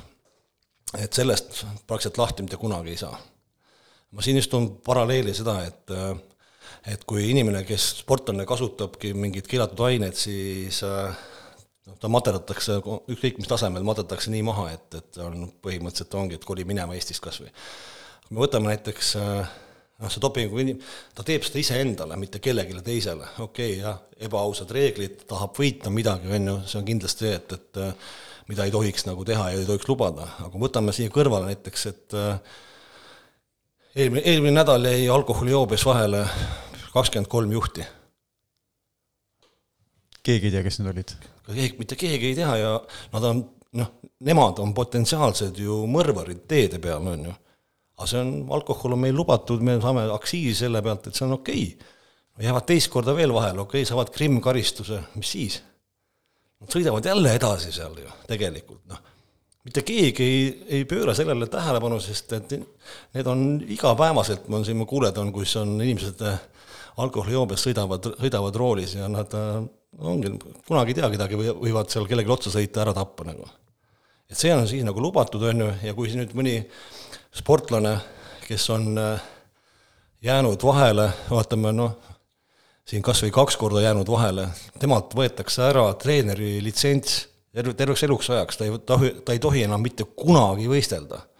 mitte kunagi ühelgi võistlusele minna, ta isegi võib-olla ei tohi minna Tartu maratoni suusa, suusatama, sest see ei, ta ei saa sinna minna. Sest ta on, ta on kaks korda vahele jäänud ja ta ei saa, ta ei tohi olla mitte kunagi enam kellegi treener, ta ei tohi kena, kedagi nagu juhendada, sellepärast et ta on kaks korda dopinguga vahele jäänud kui sa oled kaks korda alkoholist vahele jäänud, sõida edasi, palun, väga. võtame sul kolmeks kuuks load ära, pärast pane jälle edasi, saad trahvi, võtame auto ära, paned jälle edasi. et noh, tegelikult kus kohas on siin nagu see normaalsus tegelikult? jah, see on jah, absoluutselt tundub, et see ei ole nagu kuidagi äh, ühe Lo kaalu, ühe kaaluga nii-öelda kaalutud, et, et äh, üks on jah, niisugune võib-olla äh, võib-olla kui meie, meie ühiskond ei, ei oska, ei oska andestada niisuguseid asju või, või noh. noh, see, see pannaksegi suure nagu nii-öelda selles mõttes pil-, noh, igal pool ju materdatakse, nagu sa ütledki, et, et tegelikult ju roolijoodik jääb vahele, noh, keegi ei tea, kes ta oli. palju et, meil on et, Riigikogus inimesi, kes on alkoholiga vahele jäänud? no ikka piisavalt. noh, ministrid on jäänud vahele edasi ministrid, mitte kedagi ei koti nagu, et mis, mis tegelikult oli nagu. Öeldakse, et ta on inimene, vaata, ta on inimene. jah, ei ole seda, et äh, kõigepealt ei tohi kaks aastat minister olla ja pärast sa ei tohi. alkoholi tarbida, ei tohi tööle minna, aga ei. eluaeg ei tohi enam poliitikas. jääd alkoholiga vaba, vahele, võtame sult eluks ajaks auto, autojuhiload ära nagu, et võrdsustame siis nagu selle no mina oleks igal juhul poolt, see on nagu igati. sa oled juba ima või ma oleks igal juhul poolt sellele, et see on nagu igati nagu sa küsisid, äh, Maarjas, enne küsimuse, miks inimesed lähevad sellele teele või kust see mõte tekib, on ju, mul käis ähm, lihtsalt infoks siia, et siis Argo saab põrgata ära juurde, kui tahab, mul käis äh, saates podcast'is Ausad mehed siis mõnda aega tagasi Kaido Leesmann. ta rääkis oma esimesest kogemusest, kui tal tekkis tahtmine proovida. Ja ta ütles, et see tuli selle pealt, et äh, ta nägi mingeid vene kutte kuskilt Lasnamäelt, kus tulid mingitest Pae tänava kuskilt majadest, on ju, hullud suured poisid, on ju, hullud tulid talle järgi jõuliselt. aga ta nägi, et noh, ilmselt panevad keemiat, et ei ole puhtad poisid, väga kuidagi jõuliselt tulid. Ja siis tal tekkis see viha pealt see tunne, et kurat, ma panen ka vaata, et noh, ei tule niimoodi, sõidab must üle mingisuguse keemiaga, ma panen ka siis, siis on võrdne. aga noh,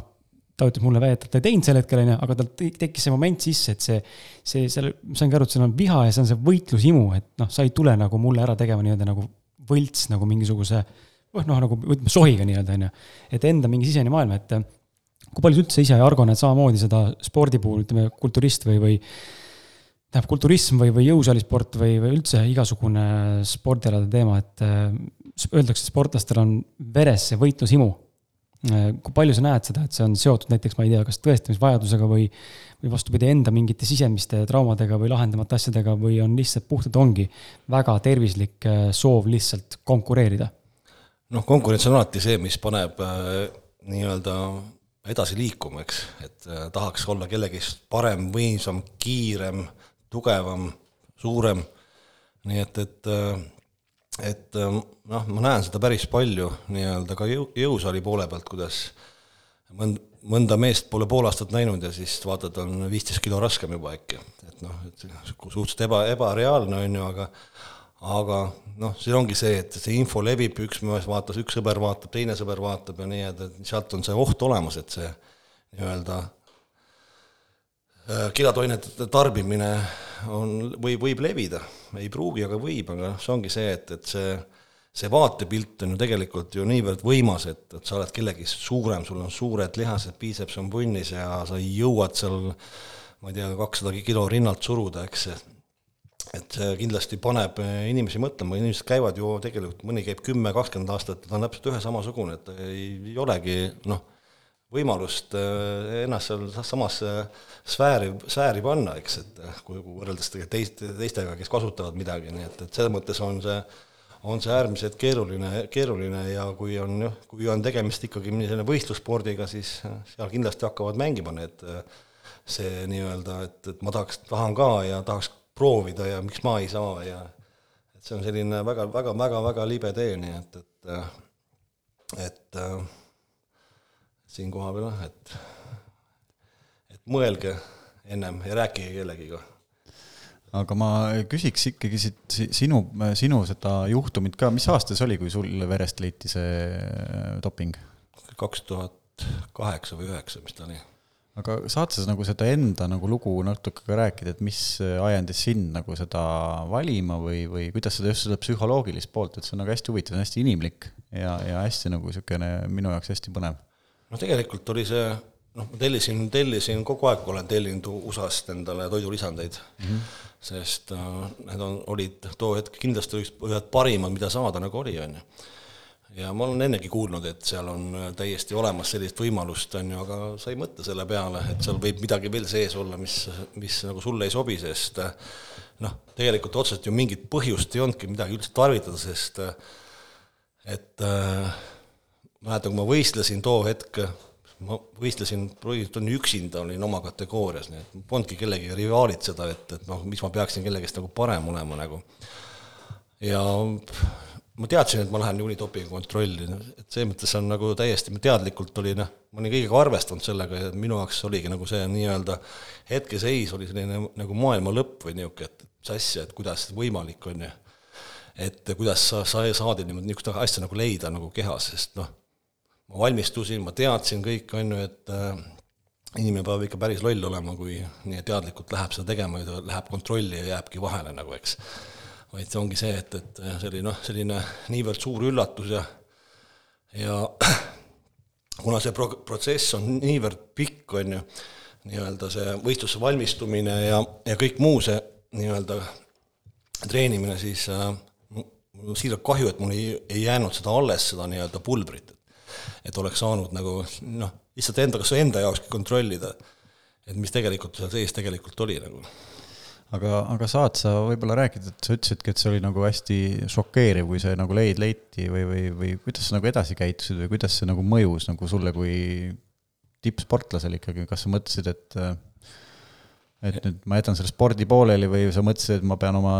nagu süütust tõestama või kuidas see nagu mõttekäik või kuidas see paneb inimest tundma, tippsportlast? no see oli, see oli tegelikult hästi selline pikk protsess, nii et, et kõigepealt ongi see nii-öelda A-proovi, kus see tuleb välja, on ju, siis on veel B-proov, eks, mida saad veel kontrollida. siis mul oli küll selline, et noh, et et ei tahtnud nagu kuskile minna, pöitsid ennast teki all ära ja mõtlesid, kaks päeva mõtlesin seal teki all, mis ma nüüd edasi teen, eks. aga noh,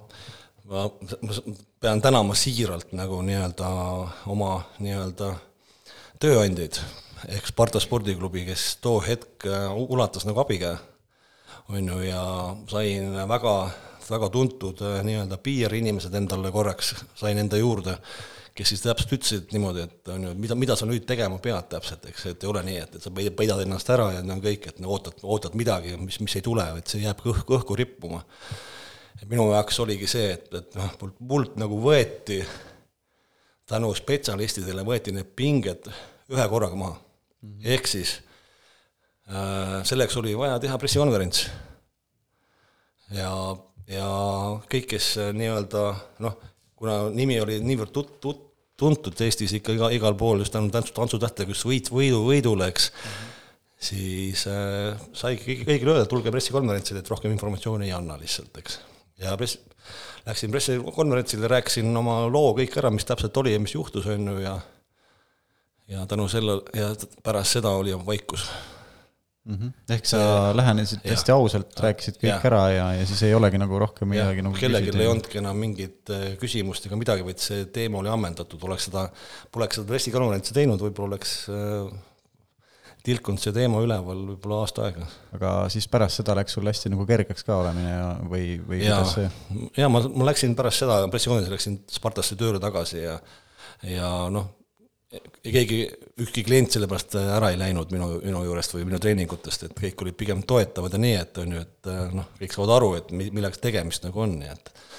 et selles mõttes ma olen siiralt nagu tänulik, et ma õigel ajal sain õigete inimestega kokku, kes ütlesid, mida tegema peab ja ja sellest probleemist nagu nii-öelda la-, nii-öelda välja tulla, mitte lahti saada, aga välja tulla just. nii et ega see,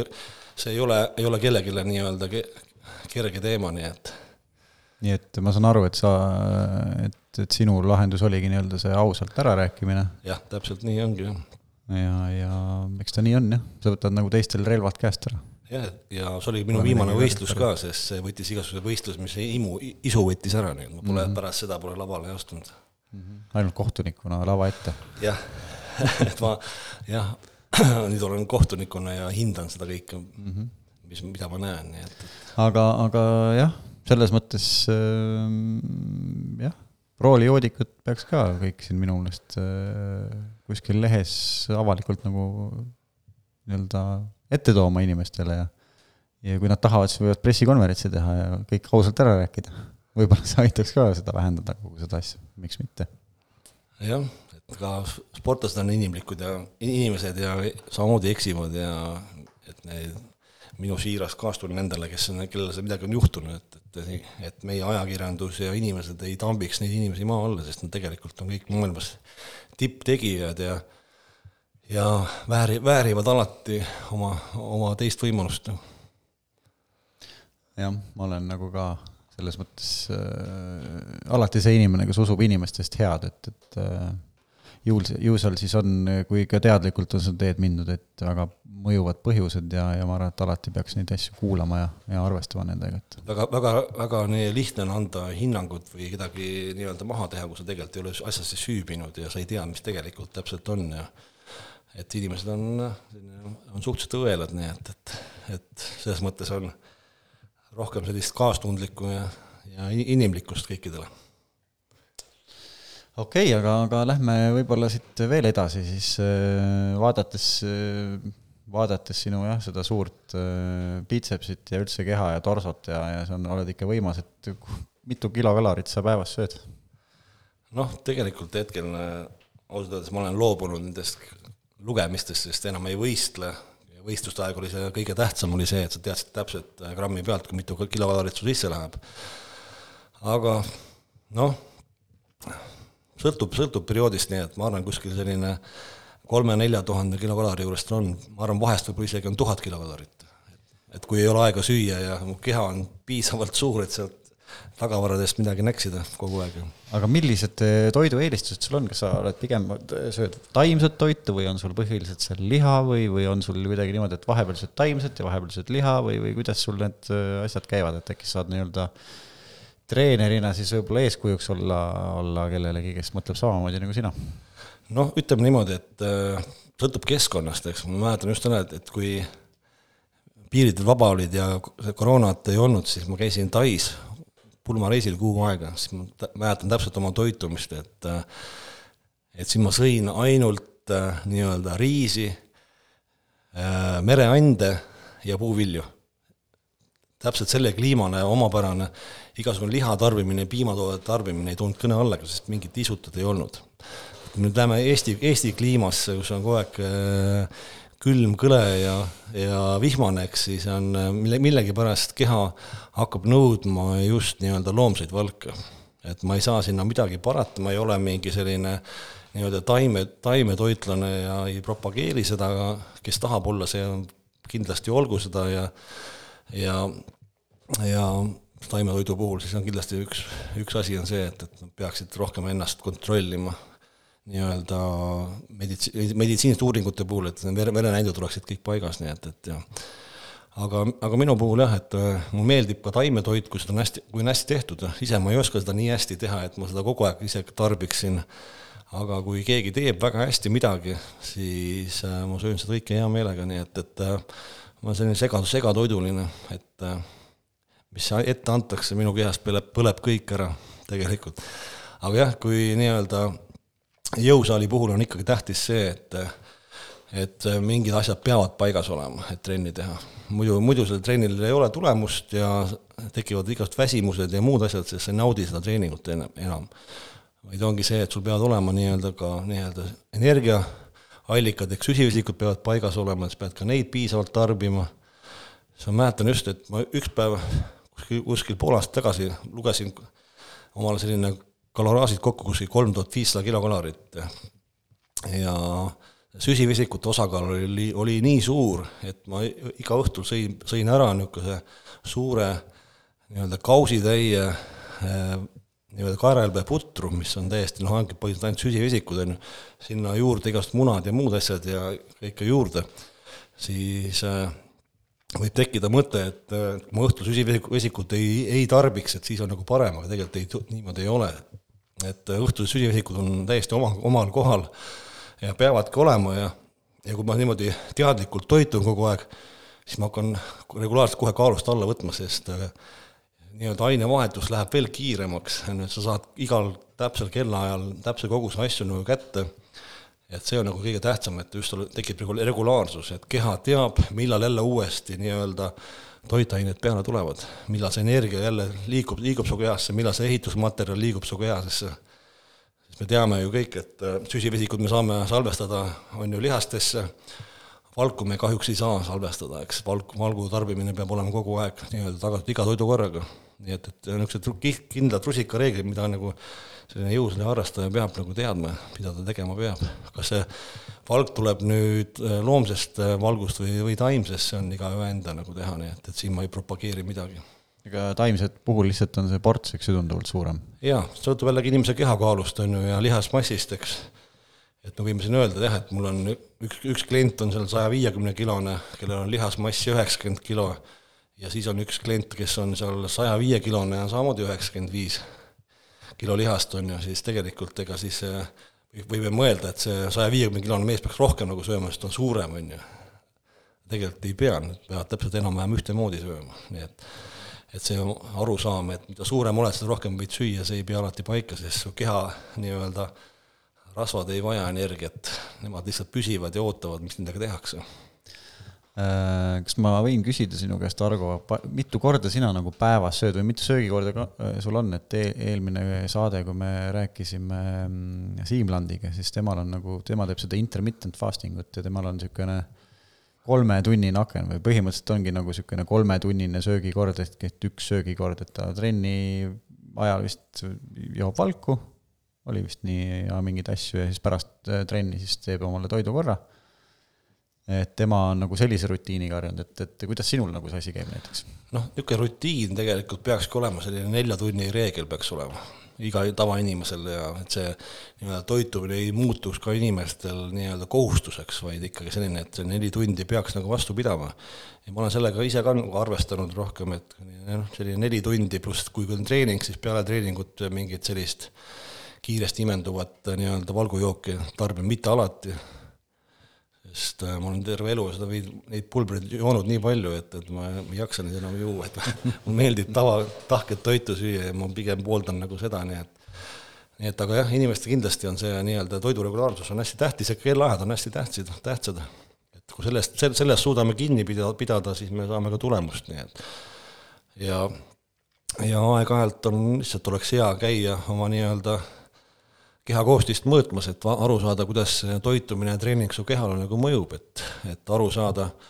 et kuhu poole sa ise nagu liigud, et äh, sa võid küll peegelpilti vaadata, aga see ei pruugi alati öelda sulle midagi, nii et, et et need, kes on teadlikud tegijad, need äh, peaksid teadma, mis neil sees toimub, mis see toitumine annab neile, mis see treening annab neile, kas see muudab see kehas midagi või ei muuda. et kui ta oma eesmärke poole aastaga ei, natukenegi ei täida, siis, siis on totaalselt midagi valesti, midagi tuleks äh, muuta, nii et. kus saab Eestis kõige täpsemalt äh, kehakoostist mõõta? no kõige täpsem peaks olema, me ise olen käinud Mustamäe haiglas, kus on nii-öelda lastakse röntgenkiirega, kiirega sind üle, seda väga ei taheta teha, et see on nii-öelda tasuline, pead ise selles välja sebima endale läbi, läbi perearsti ja siis äh, minema sinna kohale Mustamäe haiglasse et seda teenust nagu tellida ei saa otseselt või? jah, otseselt ei saa jah, et on olemas spordiklubides äh, sellised nii-öelda ka kehakoostise monitorid, mis näitavad noh, mingil määral ikkagi näitavad sellist äh, liikumist, näitavad täpselt. kui sa teatud äh, asju jälgid, mida sa enne, enne seda mõõtmist, mis on vaja teha, siis ma olen proovinud ka niimoodi, et olen kliendi, kes on käinud seal nii-öelda Mustamäe haiglas nii-öelda röntgeniga üle mõõtmas ja, ja siis tulnud kohe minu juurde ja mina oma aparaadiga mõõtmas, siis seal mõnel isegi on see erinevus täpselt sarnane, nii et noh, väga väike erinevus on. noh, okei okay,, nii et need ka töötavad täitsa hästi? jaa, nad töötavad ikka ja kui sa kogu aeg teed ja jälgid, siis sa ikkagi näed seda liikumist, eks. noh, kõige lihtsam on see, et äh, võta siis mõõd-, kui tahad veel rohkem täpsemalt, võta mõõdulint ja mõõda enda ümbermõõdud ära ja see kõige lihtsam nii-öelda, kui kui äh, see nii-öelda öökohast või see nabapiirkond, kus on, kui selle koha pealt mõõta iga, kas või üle päeva või iga päev või korra nädalas, siis sa sealt näed seda oma keha muutust kõige täpsemalt, et öeldakse, et kui on üks sentimeeter läheb äh, väiksemaks, siis on kilo rasva läinud mm. et ei peagi alati, see kaalunumber ei ole alati see õige, sest, äh, sest ei pruugi see kaal õigesti ka alati näidata, nii et ma küsin sinu käest ka, Siimu käest ma küsisin sama küsimuse, et äh, meestel tavaliselt see rasv, äh, kude koguneb kõhtu, naistel reitesse. et, et kas mingi kindla treeningu või dieediga saab seda ja, ja noh, ja, ja tendents ongi see, et, et kui me hakkame rasva põletama, siis sealt läheb ka kõige viimasena see ära. Äh, kas mingit, saab kuidagi häkkida seda, et, et näiteks kõhu pealt hakkaks esimesena rasv ära minema meestel ja, ja, ja naistel siis reite pealt või kuidas sul see kogemus on? Ei, päris nii ei ole, et niisugust lokaalset rasvapõletust tegelikult ei ole võimalik nagu. et organism hakkab ise võtma sealt, kus kõige, kus ta ise tahab võtma hakata, ehk siis on, kõigepealt on ju need mitte, mittevajalikud kohad, eks, kui rasvapõletust teha, siis on naistel puhul ja kohe sõrmused jäävad nagu suureks, et kukuvad käest ära, sellepärast et et rasva, rasv hakkab kaduma, kõigepealt siis nii-öelda siit, mul näiteks on see, et mul läheb, nägu läheb nagu kitsejäljaks kohe esimesena, et, et ja vöökoht on tavaliselt, on inimestel viimane, sest see on organismi kõige lähed-, kõige lähemal ja seda hoitakse kõige kauem kinni. nii et, et sellist, sellest mõttes jah, et on noh, on ini-, inimesed erinevad ka, et mul näiteks abikaasa on see, et, et tal ongi ülakeha läheb, imetakse kohe nii-öelda rasvast tühjaks, aga nii-öelda puusad, tagumik on see kõige viimane, mis läheb ära nagu nii et mõnel on vastupidi, mõnel, mõnel lähevad jalad lähevad äh, kohe kuivaks, aga siis see nii-öelda see vöökoht on viimane, mis läheb, nii et, et noh, mingil määral geneetika määrab ära selle, et äh, inim, inimtüübi järgi, kellel kuskilt midagi nagu läheb, aga tavaliselt inimesed ise teavad, kes on nii toitumisega tegelenud natukenegi rasva põletanud, et kuidas nendel see pro-, protsess nagu kõige kiiremini käib. nii et spetsiifilist rasvapõletust saab teha ikkagi kir-, kirurgi noal? rasva, jah, see rasvaimu. rasvaimuga et selle, see on, see on võimalik jah, aga see on jällegi oht see, et, et ühest kohast imetakse rasvarakud ära ja siis teise kohta läheb topelt tagasi jälle, kui, kui sa ei jälgi oma toitumist ja elustiili. aga no ma siit läheks sujuvalt üle just nende kõhurasvade juurde, et, et et me oleme siin Senglens Eesti podcastis ja, ja, ja Senglens äh, soolepuhastust oled sinagi ju teinud ja näinud ka, ka minu ja, ja mõne kliendi peal seda, et, et pärast seda soolepuhastust mingil põhjusel tulevad kõhulihased välja. kuidas seda seletad? jah, see on üks selline huvitav protsess, et äh, kuna ma ise selle kõik olen läbi teinud, siis ja mu abikaasa selle läbi teinud on, siis äh, see on selline uskumatu protsess Te ei oskagi nagu seletada? et ma peaks mõtlema jah, et, et äh, mis seal täpselt nagu, mis seal nagu täpselt nagu juhtub, ma ise kardan ka seda, et et pärast seda sooleprotsessi on see aju, aju on nii õnnelik, et, et ta sai sellest jamast ükskord lahti, mis seal soolte peal sul seal kuhjunud on aastakümnetega. ja, ja see ongi see, et, et kui sa saad lõpuks äh, toitu imendada läbi soolte nii, et sul seal mingeid takistusi ees ei ole, siis äh, keha mingil põhjusel hakkab seda nii-öelda rasva põletama või ära andma energiana suhteliselt kiiresti. et kuna äh, sooltes toimub puhastamine, siis me enam ei ole vaja nii palju energiat tarbida, sest toit, mis sa sööd, kõik praktiliselt imendub ära, üliväike kogus on see, mis sul nii-öelda lükatakse tagant välja, on ju, aga just see, et, et see toiduvajadus muutub nii drastiliselt, et äh, ma tükk aega mõtlesin selle peale, et, et peab olema see võimalus, et et keha tänu sellele võtab energiat rasvarakkudest ülikiiresti ära. see on, see on jah kummaline, ma mäletan seda ju, kui ma ise tulin tagasi sealt reisilt, kui ma selle esimest korda olin läbi teinud seal. Ja ma tulin tagasi sinu trenni. ma olin vist mingi seitse kilo kergem. trenni sellel ajal teinud ei olnud mingi kahe või pooleteise kuu jooksul me mõõtsime mu keha koostist jälle ja, ja seitsmest kilost kuus oli rasva, üks kilo oli lihast. ja siis ma küsisin, et kuidas see võimalik, ma ei ole nüüd trenni teinud, siis ütlesidki, et no ju siis on keha saanud kõik ained kätte, mida ja. vaja on olnud, et, et äkki, ma ei tea, kommenteerid seda veel kuidagi, et et see on, see ongi tegelikult see nagu huvitav protsess, sest kõik käibki ju läbi nii-öelda, miks me sööme, on ju, et meil, on mingeid aineid ju vaja tegelikult, eks, ehk siis käibki läbi soolte imendumine, maas siis nii-öelda pehmendamine, lagundamine ja sooltes imendumine, eks ja, ja kehal on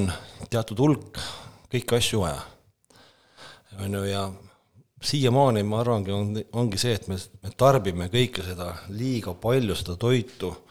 ja mille tulemusena me ei suuda seda kõike ära imendada läbi sellele, et, et lihtsalt äh, imendumist ei toimu või toimub hästi selline katkendlikult või aeglaselt, siis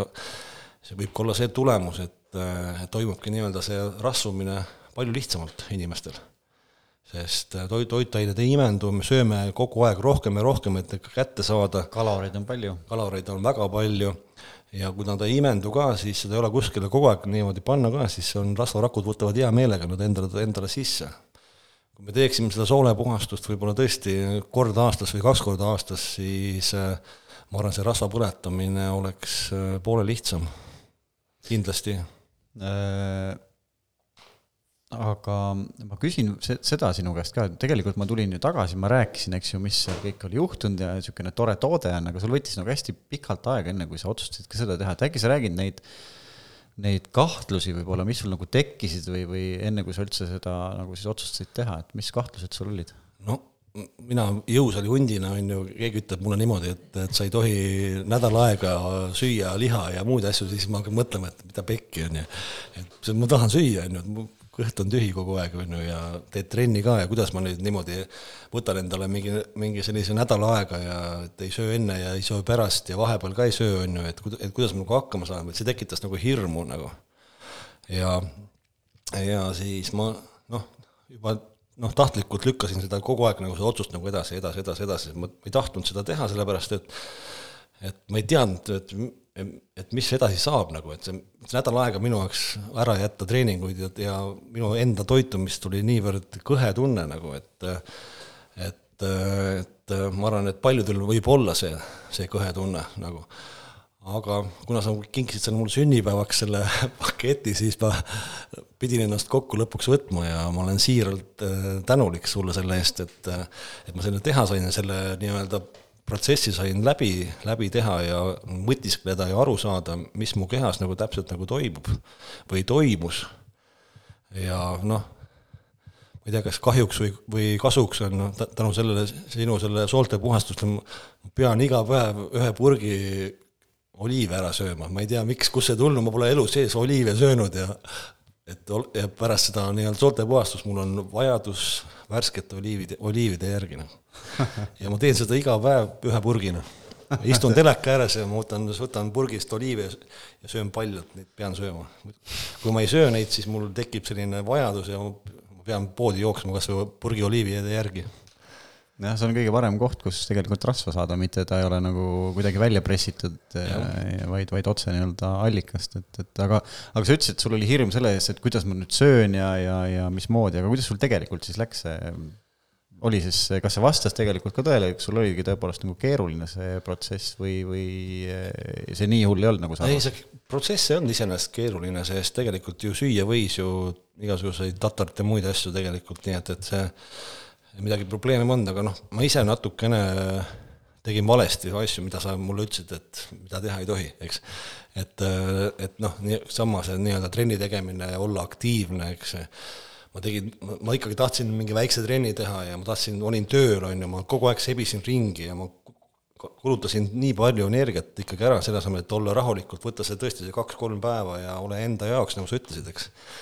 Aga noh, ma, ma ei kuulanud seda ja, ja tänu sellele siis mul, mul tekkis see, mul tekkis nii-öelda veresuhkru langus, eks, ja mul on, on niimoodi, et kui ma ei saa koheselt energiat, siis mul veresuhkur läheb alla. Siis ma võin, võin ise, isegi teadvuse kaotada, et mul hakkavad käed hakkavad värisema, ma lähen ül-, üle kere lähen igiseks täiesti ja siis mul on nii halb olla ja ma pean koheselt midagi sööma, ehk siis ma jooksin, mul pood oli viiekümne meetri kaugusel, jooksin poodi, poest sõin juba, istusin seal, seal ühe paki, paki peale maha ja sõin šokolaadi ja poemüüja tuli, vaatas, mis ma teen, ma ütlesin, ma sõin, ma pärast maksan, ma pärast maksan. Ja sõin kaks šokolaadi ära, et saada veresuhkur jälle üles, nii et. Mm -hmm ja, ja siis äh, nii-öelda pärast seda soolte puhastamist samamoodi, kus oli mahlapäev, oli siis ühe korra tekkis samamoodi, et ma ikkagi tulin jällegi tööle, mida ma teha ei tohtinud, on ju, aga noh, ja siis mul samamoodi tekkis see veresuhkru kaotus ja siis ma pidin ka ühe valgusbatooni ära sööma, et et veresuhkurt tõsta, et olla jälle, jälle hea nagu olla. no sul on ainevahetuslik äh, energiatarve juba väga-väga suur, et vaata, suure kerega sa oled. aga räägi võib-olla sellest ka, et sul oli, sa mõõdad oma D-vitamiini pidevalt, et kuidas sul, see oli hästi huvitav lugu. jah, see on D-vitamiini tarbimine, tarbin juba aastaid juba kogu aeg üht, ühe sama palju, ehk siis äh, kümme tuhat ühikut on see kogus, mida ma tarbin ja ma olen saavutanud sellega endale selline sada sada kuuskümmend on see number, mis ma, mis ma saavutan ja mis on minu jaoks nagu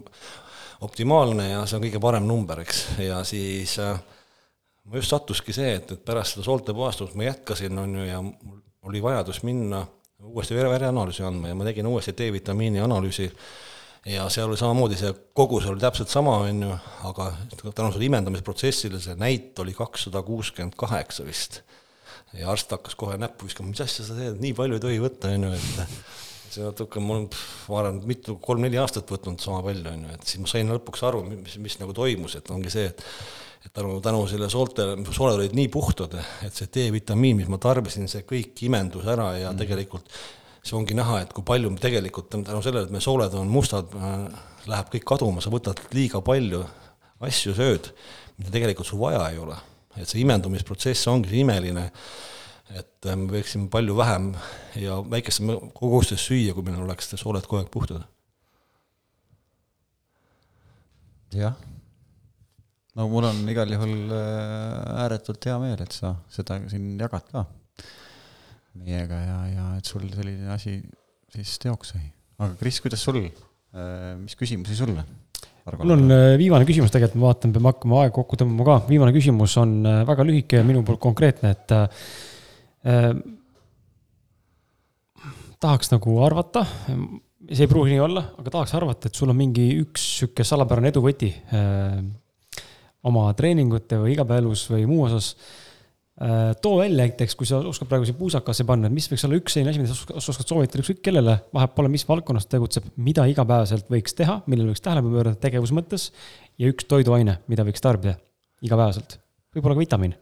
Äh, ei, vitamiine ma kindlasti see ei, ei propageeri, ma ikka propageerin seda nii-öelda nii-öelda tahket toitu, on ju, et ei, ma ei soovita kunagi inimestel, kellel ei ole toitumist paigas, ärge hakake kohe toidulisandeid sööma. et pange ennem toitumine paika ja siis vastavalt nii-öelda elustiilile ja sellele, et siis alles hakkame vaatama, mis toidulisandeid nagu juurde panna. noh, jah, me ei räägi siin nendest sellest D-vitamiinist, eks, mis on nii-öelda meie keskkonnale nii-öelda kohustuslik lausa, on ju, aga jah, et nii-öelda ei, ma ei, ma ei, ma ei tahaks propageerida, minu jaoks on kõige tähtsam see, et, et, et inimesed, et sööge natukene rohkem valku, eks. Sest valk on keha ehitusmaterjal ja kui me tahame, tahame välja näha väga-väga pikalt ja noorena, siis seda keha ehitusmaterjali on meil kogu aeg vaja ja ja eriti need, kes trenni teevad, et, et see ei tohi, ei tohi jääda seda, seda nii-öelda negatiivset kogust, nii et, et me tarbime liiga vähe, nii et, et siin ma kohas näen just naisterahvaste puhul, kes tarbivad hästi vähe, teevad hästi palju trenni ja lõhuvad ennast nii-öelda trennidega, toitumine jääb millegipärast tahaplaanile, nii et, et üks kindel mõte on see, et, et tarbige vähemalt üks gramm valku ühe kehakilogrammi kohta. et see on nii-öelda miinimum, võiks, mis võiks inimestel olla, noh. nii et aga tegevus, noh, minu, tegevus on kindlasti see, et minu jaoks on äh, nii-öelda elu eliksiir on ikkagi nii-öelda füüsiline treening. et äh, tehke trenni, mida rohkem trenni te-, selles mõttes, mida järjepidevamalt te teete, seda kauem noore, noorena püsite. ma olen hetkel viiekümne ühe aastane ja ma tunnen, et ma olen kohe kahekümne viiele või mu keha on nagu kahekümne viie aastasel. nii et, et äh, vananemisvõti on kindlasti, on, on kindlasti üks jõusaal ja lihaste treenimine. nii et, et tulge vähemalt korra nädalas jõusaali. ja kiitus sulle, Argo, ka sinu biohäkkimisoskuste juures, et äh, sa ei näe viiskümmend üks välja, nii et äh, palju õnne. Aitäh. Ma ei tea, Maarja, minu poolt on äh, kõik. jaa, minu meelest oli ka see väga põnev saade, väga tore oli sinuga, Argo, siin täna rääkida, et jah, et sa selle aja võtsid, et sa rääkisid ausalt oma elust, oma tegemistest, oma minevikust. Um, just nagu sa ütlesidki, et, et ausus on see, mis äh, paneb teisi kuulama, äh, on endal hea rääkida. Ja ega siis midagi. järgmiste kohtumisteni. aitäh kutsumast! ja aitäh sulle! kõike head! tšau, tšau, tšau!